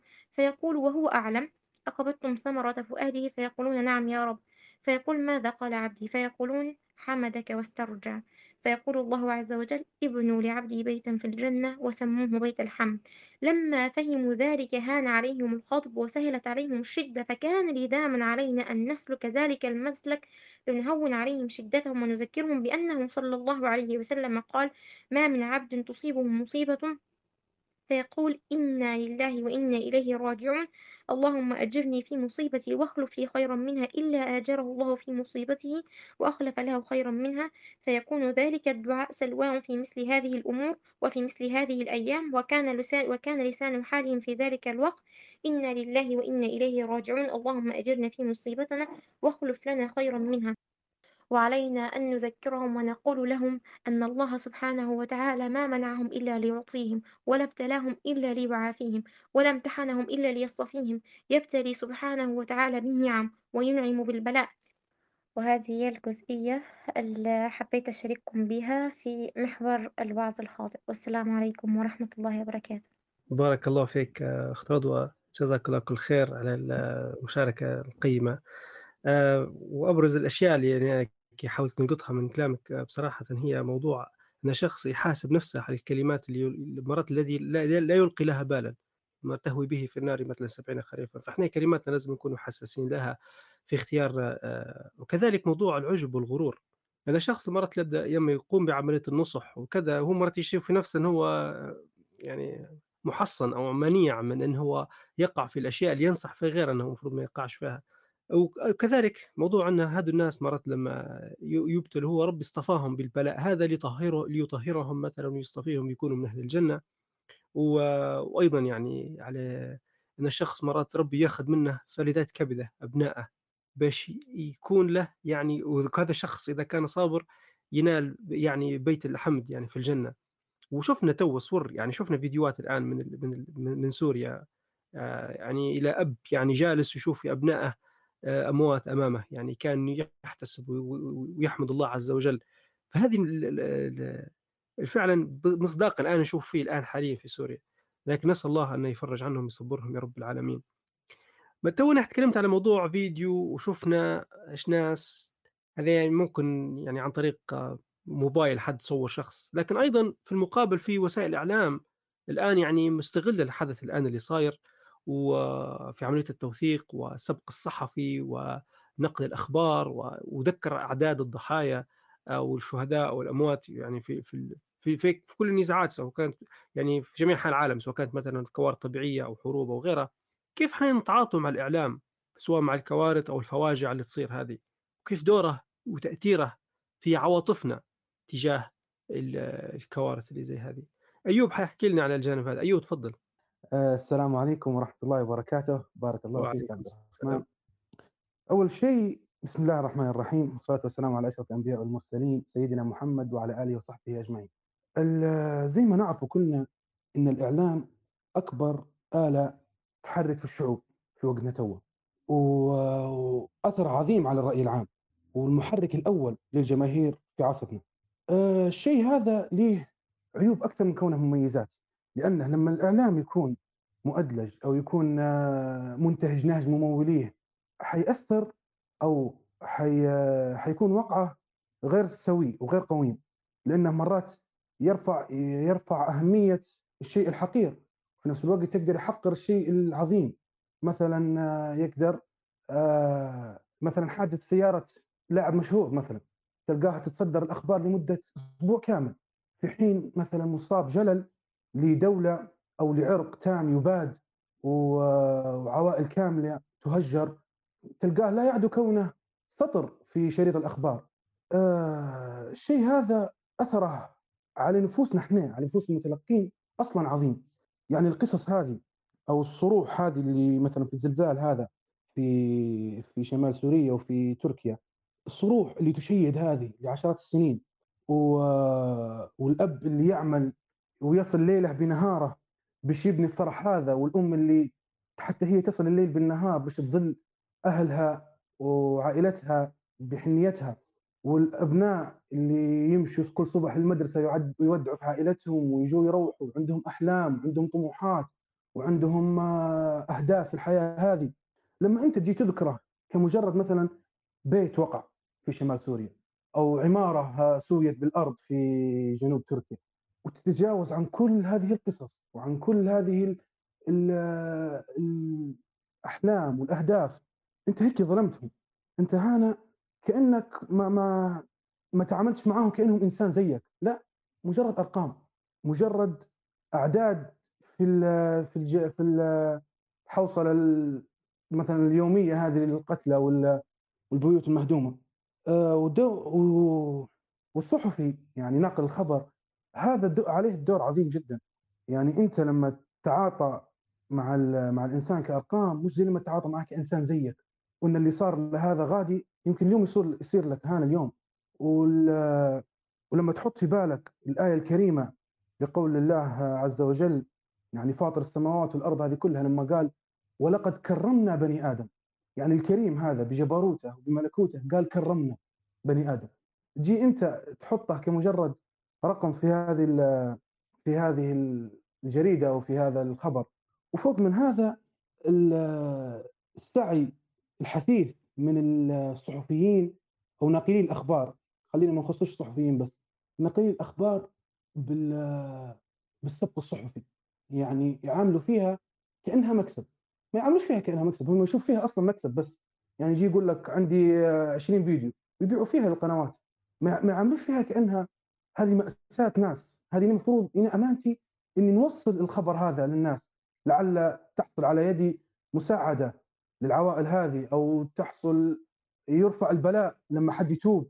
لكن لا يعاملوا فيها كأنها أرقام كأنها آه، مجرد أخبار عابرة في سلسلة الأخبار اليومية هذه اللي تقابل فينا. والأثر على الناس هذا الأثر على المتلقين كبير جدا ونقدر نشوفه حتى في نشوفوه حتى في أقرب الناس لينا يعني. في مجتمعاتنا وفي آه، آه، عوائلنا وعائلاتنا. لما حد يقول لك يجيب فيها كأنه خبر يعني سبق صحفي حتى الناس قاعدة تتعامل معاه كأنه سبق صحفي. يجيك يقول لك ريت شو صار في سوريا؟ آه، أشبح شو صار في تركيا؟ مرات حتى في ناس تجاوزوا في في موت الضمير هذا بيجي يتشمت في الحاجات هذه. هذا أثره يعني السبب الرئيسي ليه تعامل الإعلام مع الحاجات هذه. لأن الإعلام ما عادش يعطي فيها في حقها. ما عادش يوفي فيها في حقها. يعامل في يعامل في الموت كأنه مش موت. يعامل في التهجير كأنه مش تهجير. يعامل في في الاسرى كانهم مش اسرى لا مجرد أخبار جامدة وكلمات وحروف آه، ربطت في بعضها وكونت من الجمل وهكم أسمع. بس. وهذا اللي أدى لموت الضمائر في مجتمعاتنا وموت الحس والإنسانية. والإحساس بالمؤمنين والمسلمين اللي زينا وحتى غير المسلمين. يعني لما تشوف يقول لك لا تركيا فيها حتى مسيحيين فيها حتى كفار. باهي لكن في النهاية إنسان. في النهاية هذه روح. هذه روح كرمها ربي. ربي لما قال ولقد كرمنا بني آدم ما قالش ولقد كرمنا المسلمين بس. وصح المسلمين درجة تكريمهم أكثر من من من غير المسلمين. لكن يبقى بني آدم مهما كانت ديانته ومهما اختلف عرقه مكرم. ومش من أي حد مكرم لا مكرم من الكريم. وبارك الله فيكم. بارك الله فيك يا أيوب. فعلا يعني موضوع كرامة الإنسان يعني هذه قيمة من القيم الأساسية في, في الإسلام. آه يعني سبحان الله لما في في وقت الرسول صلى الله عليه وسلم كانت في جنازة ليهودي فلما مرت الجنازة وقف لها. فالصحابة يعني استغربوا كيف. فقال لهم أوليست نفسا؟ يعني يعني إحنا النفس الإنسانية بغض النظر يعني نفس إنسانية لما تموت آه يعني أو اللي يصير لها كرب ولا يصير لها حاجة إحنا يعني نحسوا بها. في الأخير أنت تتمنى هذا مثلا حتى مثلا شخص مش مؤمن فتتمناه مثلا هو يكون يموت على الإسلام. فأنت تحزن إن هو مثلا ضاعت هذه خشت مثلا النار وغيرها. ما بالك أنت بالمؤمن نفسه؟ أنت بتحزن على الألم اللي بيمر به أهله وأقاربه وكذا وحتى على موت الشخص نفسه. الرسول صلى الله عليه وسلم حزن على حمزة ويعرف إنه هو شهيد لكن النفس تحزن. هذا شيء طبيعي. الإعلام على الكلام بالاضافه على الكلام اللي قلته أيوب بارك الله فيك من اللي نشوف فيه إن ريت مثلا تشوف الأخبار تلقى مذيع مقعمز ولا مذيعة هيك بابتسامة ولا مش ابتسامه هو مش عارف يشوفوا كأنه ما فيش على ملامحهم أي شيء ومدربينهم على الشيء هذا ويوقوا في الأخبار ومات وقتل ومش عارف شنو بكل برود. يعني هم يشوفوا من الخطأ من العيب إن هو يظهر آه، شعور حزن حتى كانت تصير بتاع يمشوا فيها نوع من الدراما يديروا فيها. لكن عادة متعودين هم أو ممكن هو من تكرار الشغل هذا يديروا فيه قلوبهم ماتت. فإحنا نبدو نتأثروا به من إحنا نتفرج عليهم. فالعمليه الصناعة زي ما قلت أنت حتى الأخبار تلقى الخبر مر عليه قبل فريق يعد فيه وينقص في الكلمات يعدلوا في الإملاء ويعدلوا في كذا. ما عادش في العف... العفوية ولا إنك أنت تحس بشعور الشخص لما ينقل لك خبر معين. صار. فهو مش إحنا في باب تو نقد الشغل المهني الإعلامي لكن إحنا نحكي تو على الجانب اللي ممكن يأثر عليه مشاعرنا وكيف إن هم تعاطيهم مع الجانب هذا نكون إحنا واعيين به ما نقعوش في الفخ اللي حكيته.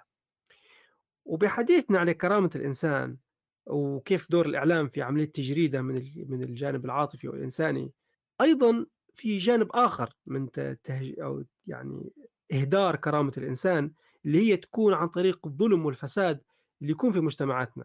يكون عن طريق مثلا مسؤولين فاسدين في الأعمال بتاعهم مش قايمين بدورهم.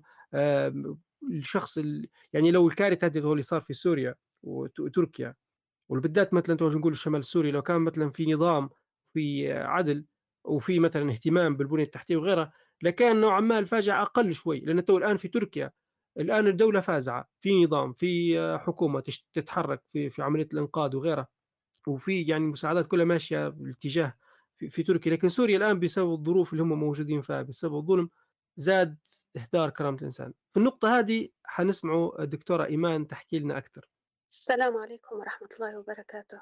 وعليكم السلام. قال الله تعالى ولقد كرمنا بني آدم وحملناهم في البر والبحر ورزقناهم من الطيبات وفضلناهم على كثير ممن خلقنا تفضيلا. وقال جل جلاله إنما السبيل على الذين يظلمون الناس ويبغون في الأرض ويبغون في الأرض بغير الحق أولئك لهم عذاب أليم. الآية وعن أبي ذر الغفاري رضي الله عنه أن رسول الله صلى الله عليه وسلم فيما يرويه عن ربه أنه قال يا عبادي إني حرمت الظلم على نفسي وجعلته بينكم محرما فلا تظالموا. الحديث وأما عن عدل الفاروق أمير المؤمنين عمر بن الخطاب رضي الله عنه فقد قيل فيه وإن سألوك عن العدل في بلاد المسلمين قل لهم لقد مات عمر. في مجموعة قصص عن سيدنا عمر رضي الله عنه تبين أن أمير عادل ولا يظلم عنده أحد. نذكر منهم بعجالة قصتين. القصة الأولى أن كان رضي الله عنه آه، في يوم من الأيام خرج مع أسلم يبي يعرف أحوال الرعية. فلقى امرأة حرة تبكي هي وأبنائها داخل خيمتهم وهم واقفين هيك جنب قدر فسألها سيدنا عمر علاش تبكوا؟ قالت له من شدة الجوع وإن القدر هذا في داخل مية بس بنصبر بها صغاري باش يهدوا لأنهم يبكوا من الجوع. وهي ما تعرفش إنه هو أمير المؤمنين فكانت تدعى لأمير المؤمنين قدامه فمشى وجاب لها جاب لها طعام بنفسه ورفض ان أسلم يحمل بدل عنا وقال عمر رضي الله عنه لن تحمل عني الوزر يوم القيامة ولما وصلوا للمرأة قعد سيدنا عمر هو اللي يطهو وهي تطعم في أطفالها وبعد ما انتهوا من الأكل قعدت تدعي له ونفس الشيء هي ما تعرفش أنه هو أمير المؤمنين. تدعي له بالخير وما غادرش الفاروق رضي الله عنه حتى شاف صغارها يبتسموا وبعدين ناموا. القصة الثانية أن أمير المؤمنين كان في الليل يحموا في مجموعة تجار يحرسوا فيهم يعني من خوف من السرقة وهيك فسمع طفل يبكي هلبا. جاي لأمه قالها علاش الطفل هذا الرضيع يبكي؟ قالت له لأن أنا نبي نفطمة وهو رافض. كان في وقتها آه، سيدنا عمر مداير قرار إنه يعطوا في يعطوا في مبلغ مالي للأطفال المفطومين مش الأطفال الرضع. فسيدنا عمر تأثر هلبا لدرجة أن تاني يوم لما يصلي في صلاة الفجر كان من كثرة البكاء وقت الصلاة لدرجة أن الناس ما عرفوش السور اللي هو يقرأ فيها. لما فرغ من الصلاة قال رضي الله عنه آه كم من أطفال المسلمين قتلوا من أجل معاناة عمر. وبعدين أمرهم بدفع مال لكل المولودين وليس المفطومين فقط. يعني فعلا وين إحنا من هذا كله. بالنسبة للبنية التحتية لتركيا تعتبر بنية ممتازة بعكس سوريا اللي بنيتها سيئة جدا. فلو تحدثنا عن المستشفيات تركيا تمتلك مدن طبية في المناطق المنكوبة أو الولايات المنكوبة. يعني مش مستشفيات لا مدن طبية مجهزة. في سوريا مستشفيات وضعها صعب جدا. تفتقر للمواد الطبية وللإسعافات الأولية وغير قادرة على استيعاب العدد الكبير للضحايا والجرحى. ونفس الوقت تركيا قادرة على أن هي تتعامل مع الكوارث هي لأن هي دولة قوية وتمتلك تجهيزات واستعدادات تامة وأطقمهم كلها على جاهز- جاهزية عالية. لكن هذا الزلزال صعب جدا على أن أي دولة تتحمله بمفردها لأنه يفوق القدرة الاستيعابية. هو في تركيا بس في جنوب تركيا أثر على عشرة ولايات بمدنها وقرا- وقراها وجبالها. هذا علاش وزير الداخلية على طول قام فورا بطلب المساعدة الدولية لأنه كان واقعي وفكر في مصلحة الشعب ولأن الإنسان عنده قيمة. بينما في سوريا طبعا صار العكس. وصلت بالطبع مساعدات دولية لتركيا من أكثر من 45 دولة أوروبية وعربية في أقل من 24 ساعة. هذه المساعدات عبارة على معدات لوجستية وفرق إنقاذ متخصصة وكلاب مدربة تساعد على استخراج الجثث والمصابين. بالنسبة لسوريا الأمم المتحدة أعلنت أن في صعوبة شديدة في الوصول إليها بسبب تصدع الطرقات بعد الزلزال واللي هي أصلا ما كانتش بحالة جيدة حتى قبل الزلزال. الوضع صعب جدا اقتصاديا والطقس نفس الشيء غير مساعد بسبب كثافة الثلوج وانخفاض درجات الحرارة. هذا سبب إعاقة لفرق الإنقاذ وسيارات الإسعاف وقوات الدفاع المدني إن هي توصل للمناطق المتضررة. وبعد مرور أكثر من 24 ساعة على وقوع الزلزال الدفاع المدني السوري قال صرح وقال إن إحنا ما زلنا في مرحلة تقديم المساعدات الأولية وإن إحنا أمام جبال من الركام ووصلنا لبعض المباني المهدمة فقط ولم نصل للبعض الآخر. وإن الإمكانيات متواضعة جدا بينما حجم الكارثة كبير جدا. الوقت مش في صالح أي حد والجهود ما زالت متواصلة للبحث عن الناجين.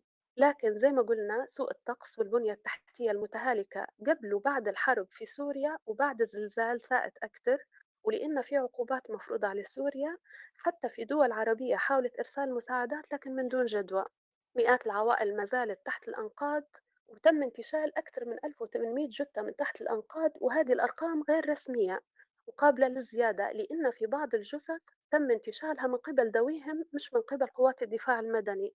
الزلزال ضاعف التحدي أمام المنظمات الإنسانية لمساعدة الشعب السوري خاصة في الأماكن اللي تحت سيطرة المعارضة اللي هي حاليا تعتمد بس على مخزون الطوارئ وشراء المواد الغذائية من السوق المحلي. قبل لما تصير كوارث في دول أخرى وهي تكون تحت العقوبات الدولية كانت توصلها المعونات برغم سريان العقوبات لكن توا الوضع في سوريا المجتمع الدولي صم أدانا عليه. زي ما قلنا ما وصلتش مساعدات دولية إلى سوريا إلا القلة القليلة من فرق إنقاذ وصلتهم من مصر مصر وقطر. استطاعت أن هي تكون في الداخل السوري لكن الإمكانيات ضعيفة جدا وخاصة أنهم هم بحاجة للآلات الثقيلة اللي من شأنها رفع الأنقاض وتسهيل مهمة عمال الإغاثة في تأدية عملهم وإنقاذ أكبر عدد من العالقين تحت الأنقاض. في سوريا أول ما صار الزلزال الناس يحسبوه قصف عنيف فبدل ما ينتشروا في الشوارع والأماكن المفتوحة هرعوا للأبنية اللي تحطت فوق رؤوسهم.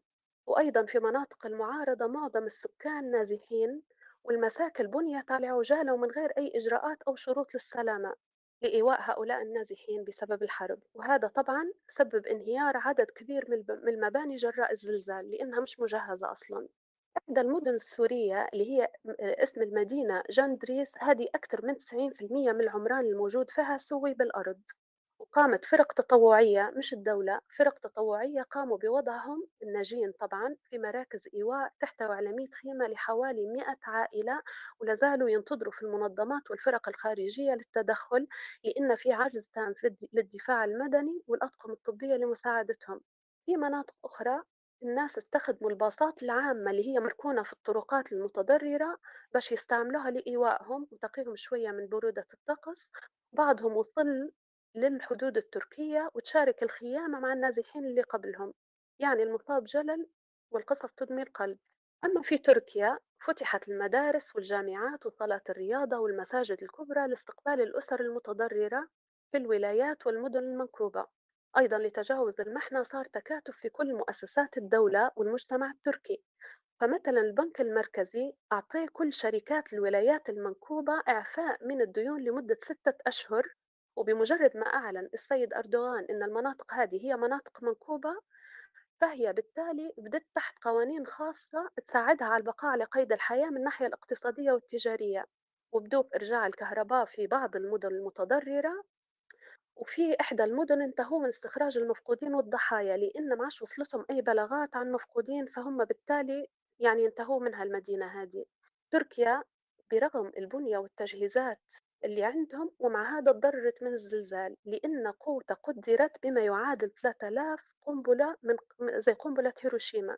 فشنو يعني الوضع بالنسبة لسوريا؟ يعني كيف بيكون وهي بنيتها متهالكة من قبل حتى زلزال الهلال الأحمر قال إن الوضع آه، الإنساني كارثي في سوريا وإن الوقت مش في صالح الجميع. كل ما قعد الشخص تحت الأنقاض كل ما قلت احتمالية بقاء على قيد الحياة. إما بسبب البرد أو عدم وجود ماء أو طعام لأن حسب الإحصائيات وخاصة اللي اندارت في تركيا أن الناس اللي ماتت بالبرد أكثر من اللي ماتت بالانهيارات بحيث يصير تجمد للجسم لما يقعد تحت الأنقاض مع برودة الطقس وهذا يؤدي للسبات ومن ثم الموت. الجيش التركي في المقابل فتح أربع ممرات جوية للطائرات من أول يعني وقوع الكارثة أربع ممرات جوية للطائرات العسكرية بسبب سوء الأحوال الجوية في الولايات المنكوبة فأصبحت المطارات العسكرية زي مطار أدنا هي مطارات لوجستية بدل المطارات المدنية. وهيك تجاوزوا مشكلة الطقس طبعا لأن إمكانياتهم جيدة. السؤال لماذا لا يوجد استعدادات وبنى تحتية جيدة في الدول العربية؟ لمثل هذه الكوارث وغيرها. وحسب ما نتفكر إن حتى لما صارت سيول السعودية على ما أعتقد في 2011 كانت غير مستعدة للموضوع هذا وصارت عندهم حتى هم هلبا إصابات وهلبا أضرار. نسأل الله أن يزيل الغمة على هذه الأمة ويغير حالنا إلى أحسن حال ويبشرنا بما يسرنا ويدفع عنا ما يضرنا ويرحم الموتى ويشفي. ويشفي المصابين. وبارك الله فيكم. آه، وفيك بارك الله دكتورة إيمان. والله عجزت الكلمات. يعني المقارنة الآن اللي درتيها لنا بين الوضع في سوريا وبين الوضع في تركيا والتوطئة اللي كانت قبل على موضوع كرامة الإنسان والإمام العادل وإنها كيف تكون إن لو كان كل شخص قايم بدوره واستعدادات اللي زي هذه لما تصير كوارث زي هذه تكون أثرها أخف لأن في الأخير رب أعطانا المكنة في التعلم وأخذ بالأسباب والاحتياطات والاحتياط هذا واجب. وكرامة الإنسان إنك أنت بتحافظ عليها. فأنت كل ما تعرف شيء انه هو ما يمنع يعني يقي من كارثة أو شيء زياده إحنا واجبنا ناخذه بالشيء هذا. هذا من صميم قيمنا الإسلامية.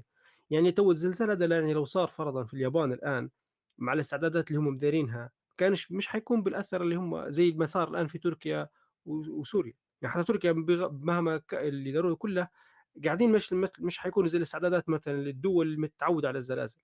فهي المباني بتاعها تكون عندها القدرة تحمل الاهتزازات وغيرها أمر زي هذا. فشو نستفيدوا منه إحنا الكلام هذا؟ إن إحنا في بلداننا الآن محتاجين أول حاجة الظلم والفساد ضروري نحاربوه. ممكن نسكتوا عليه توا آه عادي لأن ما فيش كارثة صارت بس توقعوا لو يصير كارثة شنو ممكن يصير؟ يعني إحنا توا خلينا ناخذ مثال إحنا في ليبيا بالذات. إحنا شو كيف نشوفوا في الوضع؟ ممكن في فساد موجود إحنا مش كارثة إحنا مش زلزال إحنا نصب مطر بس الشارع البيفي يتسكر. في تجوره وغير المناطق الثانية في مدن ليبيا. يعني وناس والمية تخش لهم في حياتهم لو لو يصير زلزال إحنا كيف ممكن يصير فينا؟ ليش؟ لأن إحنا عندنا فساد الآن إداري وفساد في البنى التحتية وغيرها فمحتاجين إن إحنا نست... نشوفوا الدروس الآن اللي جاب درس درس واضح درس واضح. فنسال الله السلامة صراحة. دكتور أيمان بكش بتضيفي حاجة ثانية إيه فعلا نبهتني لنقطة إن هم حتى تركيا قالوا إن إحنا متعودين على زلزال يضرب مدينة أو اثنين لو كان هيك كنا قدرنا نسيطر على الوضع بروحنا من غير أي مساعدات دولية. آه، إحنا زي ما قلت أنت في ليبيا الإمكانيات كلها عندنا. يعني ممكن أو حتى في هلبا دول عربية مش ليبيا بس. علاش الإنسان ما ياخدش بالأسباب ويجهز نفسه للكويس والمش كويس؟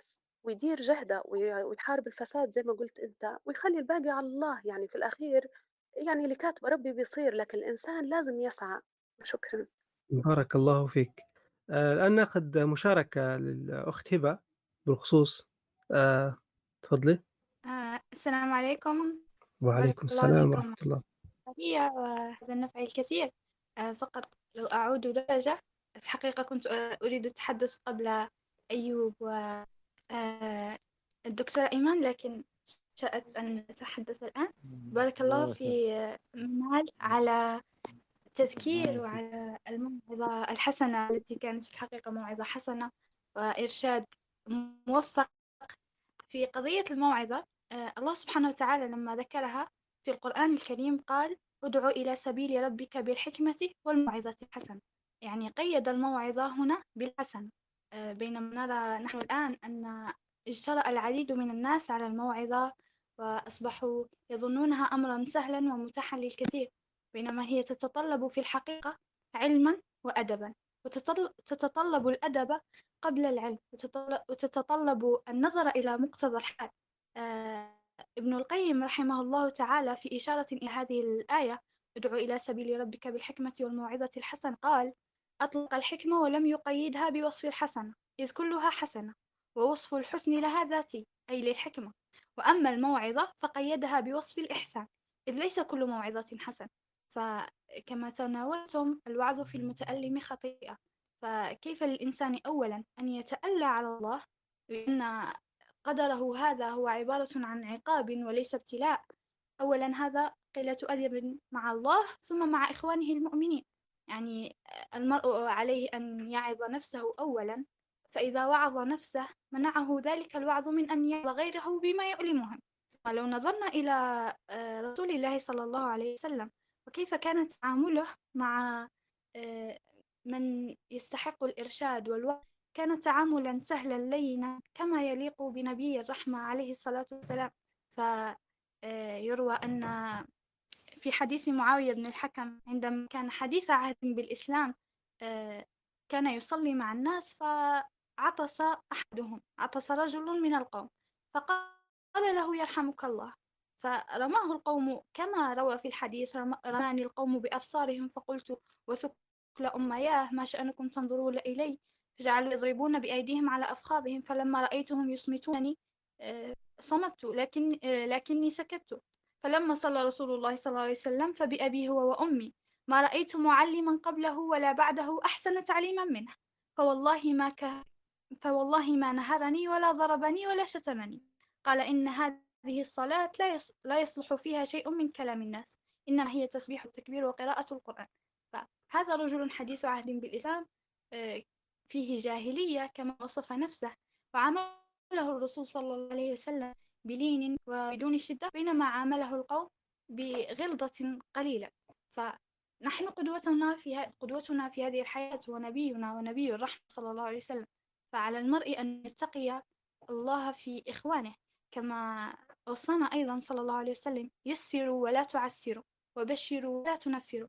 فأنت بينما تنظر أخاك هذا الذي إن كنت محيطا بما يحدث في الأمة وبمقتضى آه، الحال عند هؤلاء خاصة الشمال السوري.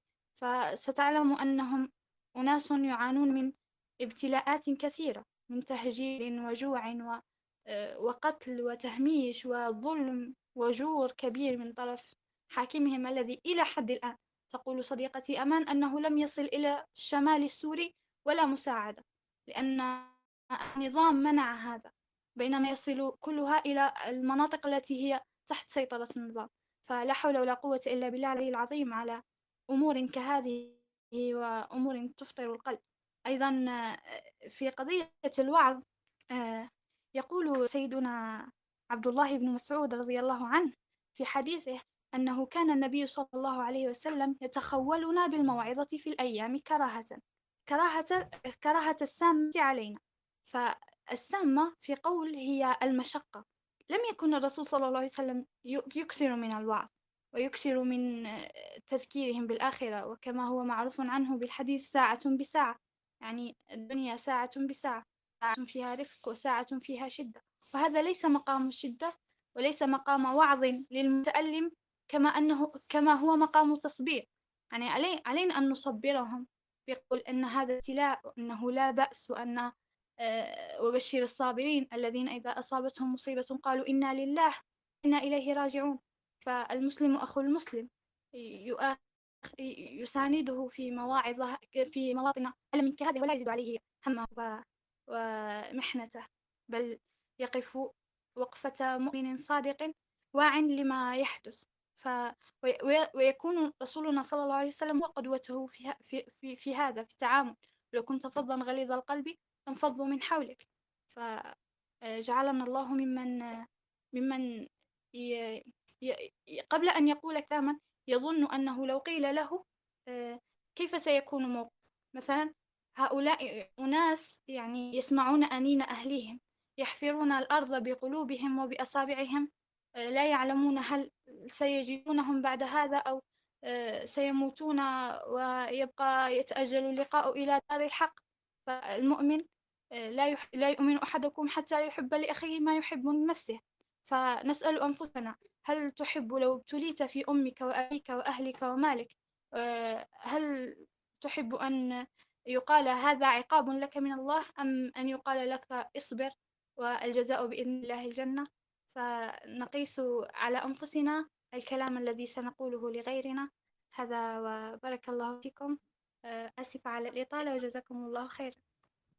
الله يبارك فيك جزاك الله كل خير يا هبة على المداخلة اللطيفة والقيمة جدا يعني كانت في محلها.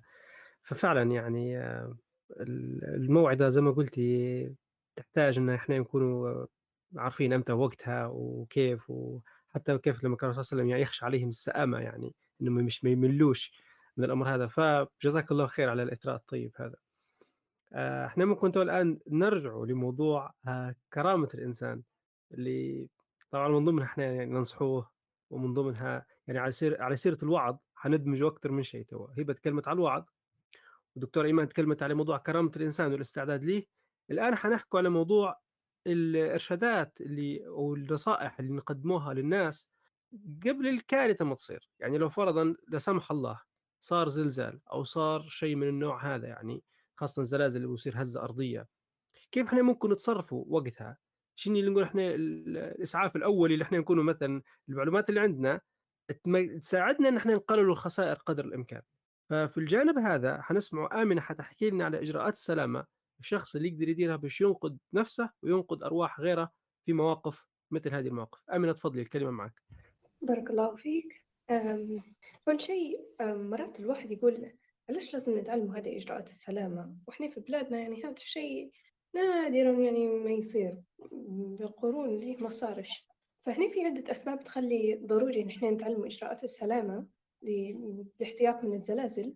واللي من ضمن هذه الأسباب اللي تخلينا لازم نتعلموا إجراءات السلامة أول حاجة ما فيش حد مأمن من قدرة ربي. فالله سبحانه وتعالى يقول فالله, فالله سبحانه وتعالى يقول في سورة الملك أأمنتم من في السماء أن يخسف بكم الأرض فإذا هي تمور.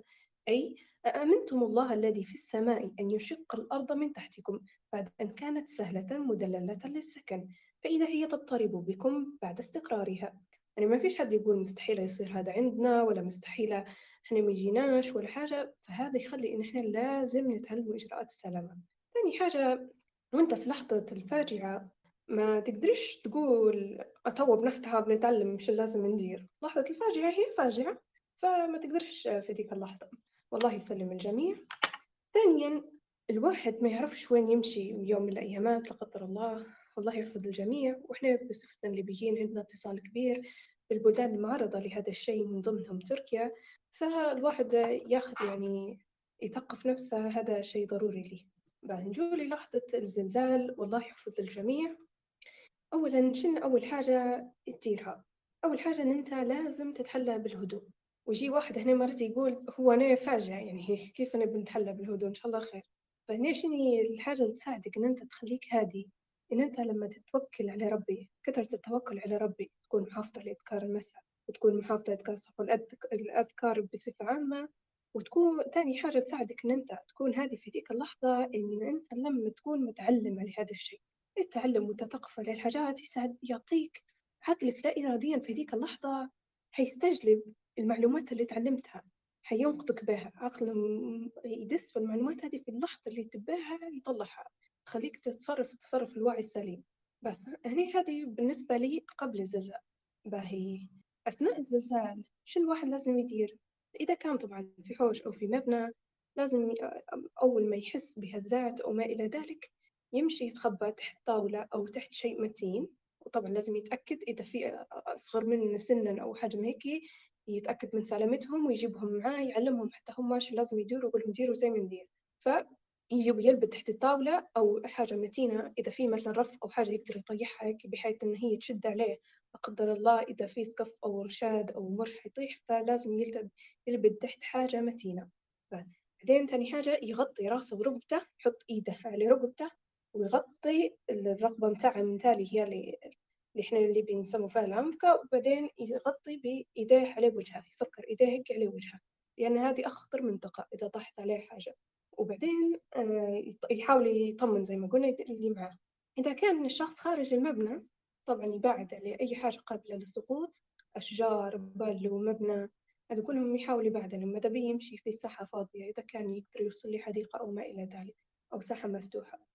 فلو كان هو كان يسوق شو لازم يدير؟ لو كان يسوق لازم يحاول يدرس في أقرب مكان ولازم ما يدرسش جنب حاجة عرضة للانهيار منها الجسور اللي إحنا نسموه فيه الكوبري. ثانيا ما يدرسش في نفق لأن هذا أكثر أكثر شيء يردم في السلاسل. ما يدرسش جنب بال وشجرة مبنى ما إلى ذلك. هنا هذا بالنسبة للاحتياطات في أثناء الهزات. طبعا بعد قد تحدث هزات مرتدة لعدم استقرار الطبقات الأرضية يعني مرات تصير الهزة الأساسية الأولى وبعدها تتوقف. فهنا في لازم مازال في إجراءات لازم الإنسان يديرها لأن زي ما قلت الطبقات الأرضية مش مستقرة فبصير هزات بعدها. ومن الإجراءات اللي لازم يديرها الإنسان بعد الهزة الأولى على سبيل المثال شنو لازم يدير. أول حاجة لازم يسمع للمصادر الرئيسية الموثوقة. ما يقعدش يفتح ويسمع لأي حاجة. المصادر الرئيسية الموثوقة هي اللي حتعلمك إذا كان في احتمالية وقوع هزات أكبر أخف أكثر وين لازم تتجه حاجة زي هيك. بعدين شنو لازم طبعا أنت كان هي هزة خفيفة وهيك فلازم تمشي تسكر المية تسكر المية والغاز لأن طبعا بيتسربوا في حالة الهزات. وكان حسيت إن في صنة غاز أو في صنة حاجة فأبدا ما تحاولش تولع ولا شمعة لأن في ذيك اللحظات غالبا يصير انقطاع للتيار الكهربائي فلا لا تولع شمعة ولا تولع دخان ولا أي حاجة. وش اسمه لا إله إلا الله كان شميت في غاز أفتح روشن طول وبعدين غادر المبنى كانت الهزة من النوع الثاني غادر المبنى لا طول يعني وشوف أفحص المبنى من الخارج كان هو تشقق ولا حاجة زي هيك حتى تعلم الناس أو تحذرهم من الدخول إليه من جديد. بعدين عندنا طبعا لو أنت طالع من المبنى ما تطلعش من الأسانسير أبدا أطلع بالدروج لأن الأسانسير لا قدر الله بسبب الهزات وهيك يكون معرض معرض لخيوط متاعها وزي ما قلنا إن الضي في ديك اللحظة بيهرب وزائد إن الخيوط متاعها في ديك اللحظة مش حتتحرك بشكل كويس فحتعلق أنت في الغالب. غالب الناس يصير لهم حالات إنهم يعلقوا في الأسانسيرات في حالة الزلزال. أنت أطلع وأمشي للساحة مفتوحة. طبعا قبل ما تطلع خذ الوثائق المهمة متاعك حوايج خفيفات أدوية ضرورية إسعافات أولية. هذه كلها لازم تلمها معاك وتطلع في أقرب وقت. طبعا إذا بتشوف خيوط طايحات مية متفجرة أنابيب غاز أي حاجة زي كي كل ما تقربش عليهم تمسش ما تحاولش تصلح أي حاجة لين يخف. ولين تجي الجهات المسؤولة هي اللي تقوم بإجراءات السلامة. حذر الناس من يمشوا للمباني المتضررة. آه، نبه إذا تشبح بأي حد بيخش لمبنى أو حاجة وأنت لاحظت عليه في شقوق أو فيما إلى ذلك حذرهم نهائيا ما يخشولهاش وطبعا بعدوا على المناطق الساحلية لا قدر الله إذا صارت هزة فمن بعد الزلازل ديما يرتفع خطر تسونامي فأي منطقة ساحلية حاول أن أنت تبعد عليها. وتأكد من جيرانك والناس الضعيفة المحتاجة أن هي خرجت وحدها آه، تبعد إجراءات السلامة. وهذا هو. والله يحفظ الجميع الله يبارك فيك كاملة والله فعلا يعني معلومات قيمة جدا يعني وفي أشياء يعني أول مرة هيك تخطر على بالي أنها من زي ما على سبيل المثال موضوع الأسانسير هذا يعني آه، ما يخطرش على البال يعني. لو أنا مثلا صار موقف زادة ما لو ما سمعتش المعلومة هذه ما كنت راح نركب الأسانسير وبنطلع فيه ساعة يعني. بارك الله فيك. وهي فكرة آه، موضوع إجراء السلامة أو إحنا ناخذ الاحتياطات هذه للأسف تعتبر ثقافة مفقودة عندنا إحنا بالذات في مجتمعنا الليبي. آه، اللي للأسف أنا بدنا نقول شوية عبارات لكن بعض الشباب يتصف بالعناد ومرات إحنا مش زلزال ولا حاجة إحنا مرات يصير مثلا رمي رمي رصاص الناس تطلع تمد في راسها من روشن. يعني بي عقل يعني. أنت عارف الرمي رصاص ليش طلع في راسك من روشن؟ والناس تطلع تجري تبي تشوف. هي ما تعتبر شجاعة هذا يعتبر للأسف حمق. آه، إن الشخص يستهتر بالأمور هذه.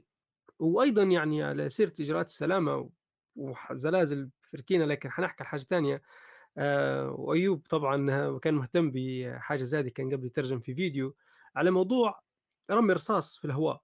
يعني بعض الشباب يرمي في رصاص في الهواء ويحسب إن الرصاص هذه خلاص تمشي. ما, ينسى ما يعرفش إن هي الرصاصة حترجع تنزل من جديد وتهلك حد ثاني فإحنا إجراءات السلامة وان إحنا نديروا الشيء اللي يقلل المخاطر شوية كفكر كثقافة ضايعة. إحنا نتمنوا الأمر هذا يرجع من جديد الناس تفيق ابداها من حزام الأم... حزام الأمان اللي في السيارة. يعني شيء عجيب. تو حاليا مثلا في بريطانيا هنا ما تقدرش تسوق من من غيرها. طول بتجيك مخالفة. لو الكاميرا تصورك في الواحد مشيت فيها. فموضوع حزام الأمان أمر ضروري منه. مش هيك عبثا أو إنه تحس نفسها تقييد أو إحنا عملية النفور من النظام. يعني عندنا حاجة مش عارف تبي ممكن علماء نفسي يدرسوها. عملية إن إحنا نعاندوا في النظام أو القانون. نبغى نديروا شيء العكس. فراها موضوع الحفاظ على إجراءات السلامة ايا كانت في كل شيء. يعني هذا المفروض تو حتى في مبانينا لما نبنوا فيها المفروض يكون في مخرج طوارئ. على نعطيكم حاجة ثانية على سيرة إجراءات السلامة وليش؟ الأمر هذا مهم. آه هنا في الم... هنا أي يعني خلينا نتكلم بانسياق هنا في بريطانيا باهي. أي مكان عام مدرسة جامعة مسجد آه آه سموه غلطوا مبنى حكومي مبنى تجاري ما... كل شيء. من باش يعطوك ترخيص إنك أنت تبنيه أو إنه يخلوه مستمر في العمل في جهة بتخش أو اللي نقول إحنا البلدية ضروري تكشف إن أنت عندك إجراءات السلامه من الحرائق. فهم يشوفوا إنك أنت عندك باب مخرج مخارج وحاط العلامات إن هذا مخرج بحيث الناس تعرف وين وموتي مثلا كان للناس اللي عندهم العجزة بكرسي المتحرك وغيره. جميع هذه لازم تكون موجودة متوفرة والا ما يعطوكش تصريح إنك أنت تدير. وفي المدارس خصيصا لأن في صغار فالسلامة بتكون مضاعفة جدا. كل أسبوع عندهم يوم معين يديروا فيه صفارة الحريق يتأكدوا إن هي تخدم ولا لا. صفارة الحريق يجربوها عندهم يوم معين معروف يديروا مثلا دقائق معدودة يرن. وعندهم في السنة سنة دراسية عندهم يومين يديروا إخلاء تام إخلاء تجريبي تدريبي. يديروا محاكاة انه لو صار حريق كيف يطلعوا الصغار؟ نطلعوا عاد إحنا برا ونكركروا في الصغار معانا ونوقفوا برا الراجو ونصبروا. ورن يجي يقولوا لنا الجماعة هي خلاص ما فيش حريق أرجعوا من جديد. ورانا ما فيش حريق لكن يعودوا فيهم بحيث لا سمح الله لو صار نعرفوا طول عملية الإخلاء اوتوماتيكيا نديروها من غير ما نقعدوا نفكروا وين نمشي وش نديروا. هي محتاجين هذا يرجع في بلداننا. ما نشوفولاش هذا استهتار أو ضياع وقت أو هذو ناس يخافوا من الموت ومش مؤمنين بالله لا. هذا بالعكس نوع من أخذ بالأسباب وحفاظا على كرامة الإنسان. هذه اللي حبيت نشاركها في في النهاية. ونختم بالمحور الأخير وهو محور المبشرات العامة للمؤمنين ولأهل الشام خاصة. حنسرد عليكم الأحاديث للرسول صلى الله عليه وسلم شنو كان يقول عليه المؤمنين لما يصيبهم البلاء. حنبدأ بأول حاجة قال الرسول صلى الله عليه وسلم ما يصيب المؤمن من وصب ولا نصب ولا هم ولا حزن ولا أذى ولا غم حتى الشوك يشاكها. إلا كفر الله من خطاياه. آه وأيضا قيل عند لحظة الموت تتنزل الملائكة تبشر وتطمن المؤمنين يقول الله عز وجل إن الذين قالوا ربنا الله ثم استقاموا تتنزل عليهم الملائكة ألا تخافوا ولا تحزنوا وأبشروا بالجنة التي كنتم توعدون. صدق الله العظيم. فتنزل الملائكة تهدئ من روع المؤمنين وفزعهم وتبشرهم بالجنة. فكان بعضهم يبتسم ويتهلل وجهه حال الموت. شوف المؤمنين كيف إن الملائكة تنزل تطمنهم وتبشرهم وتهديهم. طمنوا تخافوش. عن السدي يقول في تفسيره ألا تخافوا ولا تحزنوا قال لا تخافوا ما أمامكم. يعني ما تخافوش من اللي بيجيكم. ولا تحزنوا على ما بعدكم. يعني اللي خليتوهم وراكم من أهلكم ما تحزنوش عليهم. هذا المؤمنين آه عن مجاهد أيضا يقول آه في قوله تتنزل عليهم الملائكة ألا تخافوا ولا تحزنوا. معناها لا تخافوا ما تقدمون عليه من أمر الآخرة ولا تحزنوا على ما خلفتم من دنياكم من أهل وولد فإنا نخلفكم في ذلك في ذلك كله. سبحان الله. قال رسول الله صلى الله عليه وسلم الشهداء خمسة المطعون والمبطون والغريق وصاحب الهدم والشهيد في سبيل الله. يعني صاحب الهدم الناس اللي تهدمت عليهم منزلهم الآن في سوريا وتركيا وغيره من المصائب اللي يمر فيها مثلا ناس هدم يعتبروا من الشهداء. وما دام حكينا على الشهداء حنشوف الرسول صلى الله عليه وسلم شيء كان يقول عليه. ما من نفس قال عليه الصلاة والسلام ما من نفس تموت لها عند الله خير يسرها أنها ترجع إلى الدنيا ولا أن لها الدنيا وما فيها إلا الشهيد فإنه يتمنى أن يرجع فيقتل في الدنيا لما يرى من فضل الشهادة. سبحان الله. يعني الشهيد يتمنى يرجع يموت تاني باش لأنه هو عرف فضل الشهادة عظيم جدا. آه أيضا آه على سيرة الشهيد يقول الرسول صلى الله عليه وسلم ما يجد الشهيد من القتل إلا كما يجد أحدكم من القرصة. يعني إحنا مرات نشوفه في الكوارث وهذا مات تحت هدم أو طاحت عليه شيء وكذا ونتألموا تعرفوا الشهيد لما يموت ما يحسش بألم يحس بحاجة زي القرصة الصغيرة زي الوخزك هذه لما يموت سبحان الله. ويقول عليه الصلاة والسلام أن للشهيد, آه للشهيد عند الله ست خصال يغفر له في أول دفعة ويرى ويرى مقعده من الجنة ويجار من عذاب القبر ويأمن من الفزع الأكبر ويوضع على رأسه ويوضع على رأسه تاج الوقار الياقوتة منها خير من الدنيا وما فيها. ويزوج اثنتين وسبعين زوجة من الحور العين ويشفع في سبعين من أقاربه. الحديث. وأيضا للشهداء شرفهم وفضلهم آه، وفضل عملهم بين الله سبحانه أنهم أحياء عند ربهم يرزقون. حياة خاصة حياة برزخية وهم أموات آه، وهم أموات. يعني يعني هم عايشين حياة برزخية في في, في لحظة الموت. وقد حكم فيهم بأحكام الموتى لكن أرواحهم في نعيم الجنة في أجواف طير خضر تسرح في الجنة حيث شاءت ثم تأوي إلى قناديل معلقة تحت العرش. كما أخبر النبي صلى الله عليه وسلم. فهذا شرف لهم. وحث لهم على الجهاد في سبيل الله. هذا بنتكلم على المش... الشهداء طبعا بصفة عامة على المجاهدين في سبيل الله. ونشمل معاهم أيضا زي ما قال الرسول صلى الله عليه وسلم. يعني اللي طاح تحت الهدم والمبطون وغيره. تو حنتكلموا وبنختموا بفضائل أهل الشام. آه، أول حاجة حنبدأ بها بينما نحن عند رسول الله صلى الله عليه وسلم يعني حديث هذا حين قال طوبى للشام طوبى للشام؟ قلت ما بال الشام؟ قال الملائكة باسطوا أجنحتها على الشام. شوفوا الأجنحة باسطة أجنحتها على الشام. يا الله. وقال عليه الصلاة والسلام اللهم بارك لنا في شامنا اللهم بارك لنا في يمننا. يعني دعاء بالبركة للشام واليمن. آه، عن أبي الدرداء رضي الله عنه قال قال رسول الله صلى الله عليه وسلم آه، بين أنا نائم إذ رأيت عمود الكتاب احتمل من تحت رأسي. فظننت أنه مذهوب به فأتبعته بصري فعمد به إلى الشام. ألا وإن الإيمان حين تقع الفتن بالشام. سبحان الله. يعني الإيمان يوم يصير فتن مثلا في العالم هذا كله حتلقوا الإيمان هذا في الشام. وشوفوا الآن الناس في الشام كيف ردود فعلهم مع الأزمة هذه.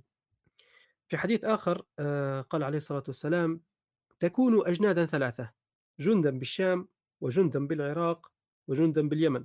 وحتى يعطى الرجل المئة فيسخطها. قال ابن حوالة فقلت يا رسول الله اختر لي إن أدركني ذلك. قال إني أختار لك الشام. فإنه صفوة الله عز وجل من بلاده وإليه يحشر صفوته من عباده. يا أهل اليمن عليكم بالشام. فإنه صفوة الله عز وجل من أرض الشام. ألا فمن أبى فليسقي من غدر اليمن. فإن الله عز وجل قد تكفل بالشام وأهله.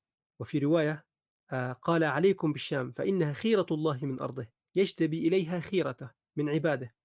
فأما إن أبيتم فعليكم بيمنكم واسقوا من غدركم فإن الله توكل لي بالشام وأهله.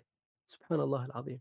يعني الله عز وجل الوكيل يقول أنا متوكلكم بالشام وأهله. عن أبي هريرة رضي الله عنه أنه سمع رسول الله صلى الله عليه وسلم يقول إذا وقعت الملاحم بعث الله من دمشق بعثا من الموالي أكرم العرب فرسا وأجودهم سلاحا يؤيد الله بهم الدين. يعظم أهل الشام يا والله. عن معاوية بن قرة عن أبي عن أبيه رضي الله عنه قال قال رسول الله صلى الله عليه وسلم إذا فسد أهل الشام فلا خير فيكم. لا تزال طائفة من أمتي منصورين لا يضرهم من خذلهم حتى تقوم الساعة. اللهم احفظ أهل الشام يا رب. عن أبي الدرداء رضي الله عنه أن رسول الله صلى الله عليه وسلم قال إن فسطاط المسلمين يوم الملحمة بالغوطة إلى جانب مدي... إلى جانب مدينة يقال لها دمشق من خير مدائن الشام. فسبحان الله يعني الشام بصفة عامة راهو الشام بخريطتها هي الآن زي ما تعرفوا اللي هي فلسطين والأردن وسوريا ولبنان وتمتد للشمال السوري وتحتها كلها منطقة ديك بالكامل الشام. وتخش معها حتى الشمال حتى الشمال الجنوب التركي زي غازي عنتاب وغيرها المناطق اللي الآن متضررة كلها تعتبر ضمن خارطة الشام الأرض المقدسة يعني الأرض المباركة كلها بالكامل. يعني سبحان الله الأنبياء والرسل عاشوا في تلك المنطقة. صح هم مش يعني ما نتكلمش مثلا لحلب لكن هذه كلها الشام بالكامل. فنسأل الله أن يحفظهم آه، ويبارك فيهم ويبعد عنهم يعني كل سوء. وسبحان الله راهو إحنا الآن لما بوقفتنا معاهم وأهل الشام راهو آه، إحنا نتمنوا يعني إحنا ترى شوقنا أنا عن نفسي نتكلم نتمنى لو ربي مثلا يرفعني الآن للشام أو نعيش فيها أو كذا. من كثر ما الأحاديث هذه تحث الشخص إنه هو يمشي للشام. راهو ال ال مش عارف شو بنقول أكثر من هيك أعتقد رسالة وصلت. ما تنسوهمش من دعائكم راهو أنتم تدعوا لنفسكم أكثر ما تدعوا لهم هم. هم ربي متكفل بهم. فإحنا نحاول نتقربوا من ربي إن إحنا ندعو لربي متكفل بهم. جزاكم الله خيرا. آه حنختم بدعاء في النهاية. اللهم إنك أنت الله لا إله إلا أنت. أنت الغني ونحن الفقراء. نحن عبيدك بنو عبيدك. نواصينا بيدك. ماض فينا حكمك. عدل فينا قضاؤك. لا ملجأ ولا منجأ منك إلا إليك.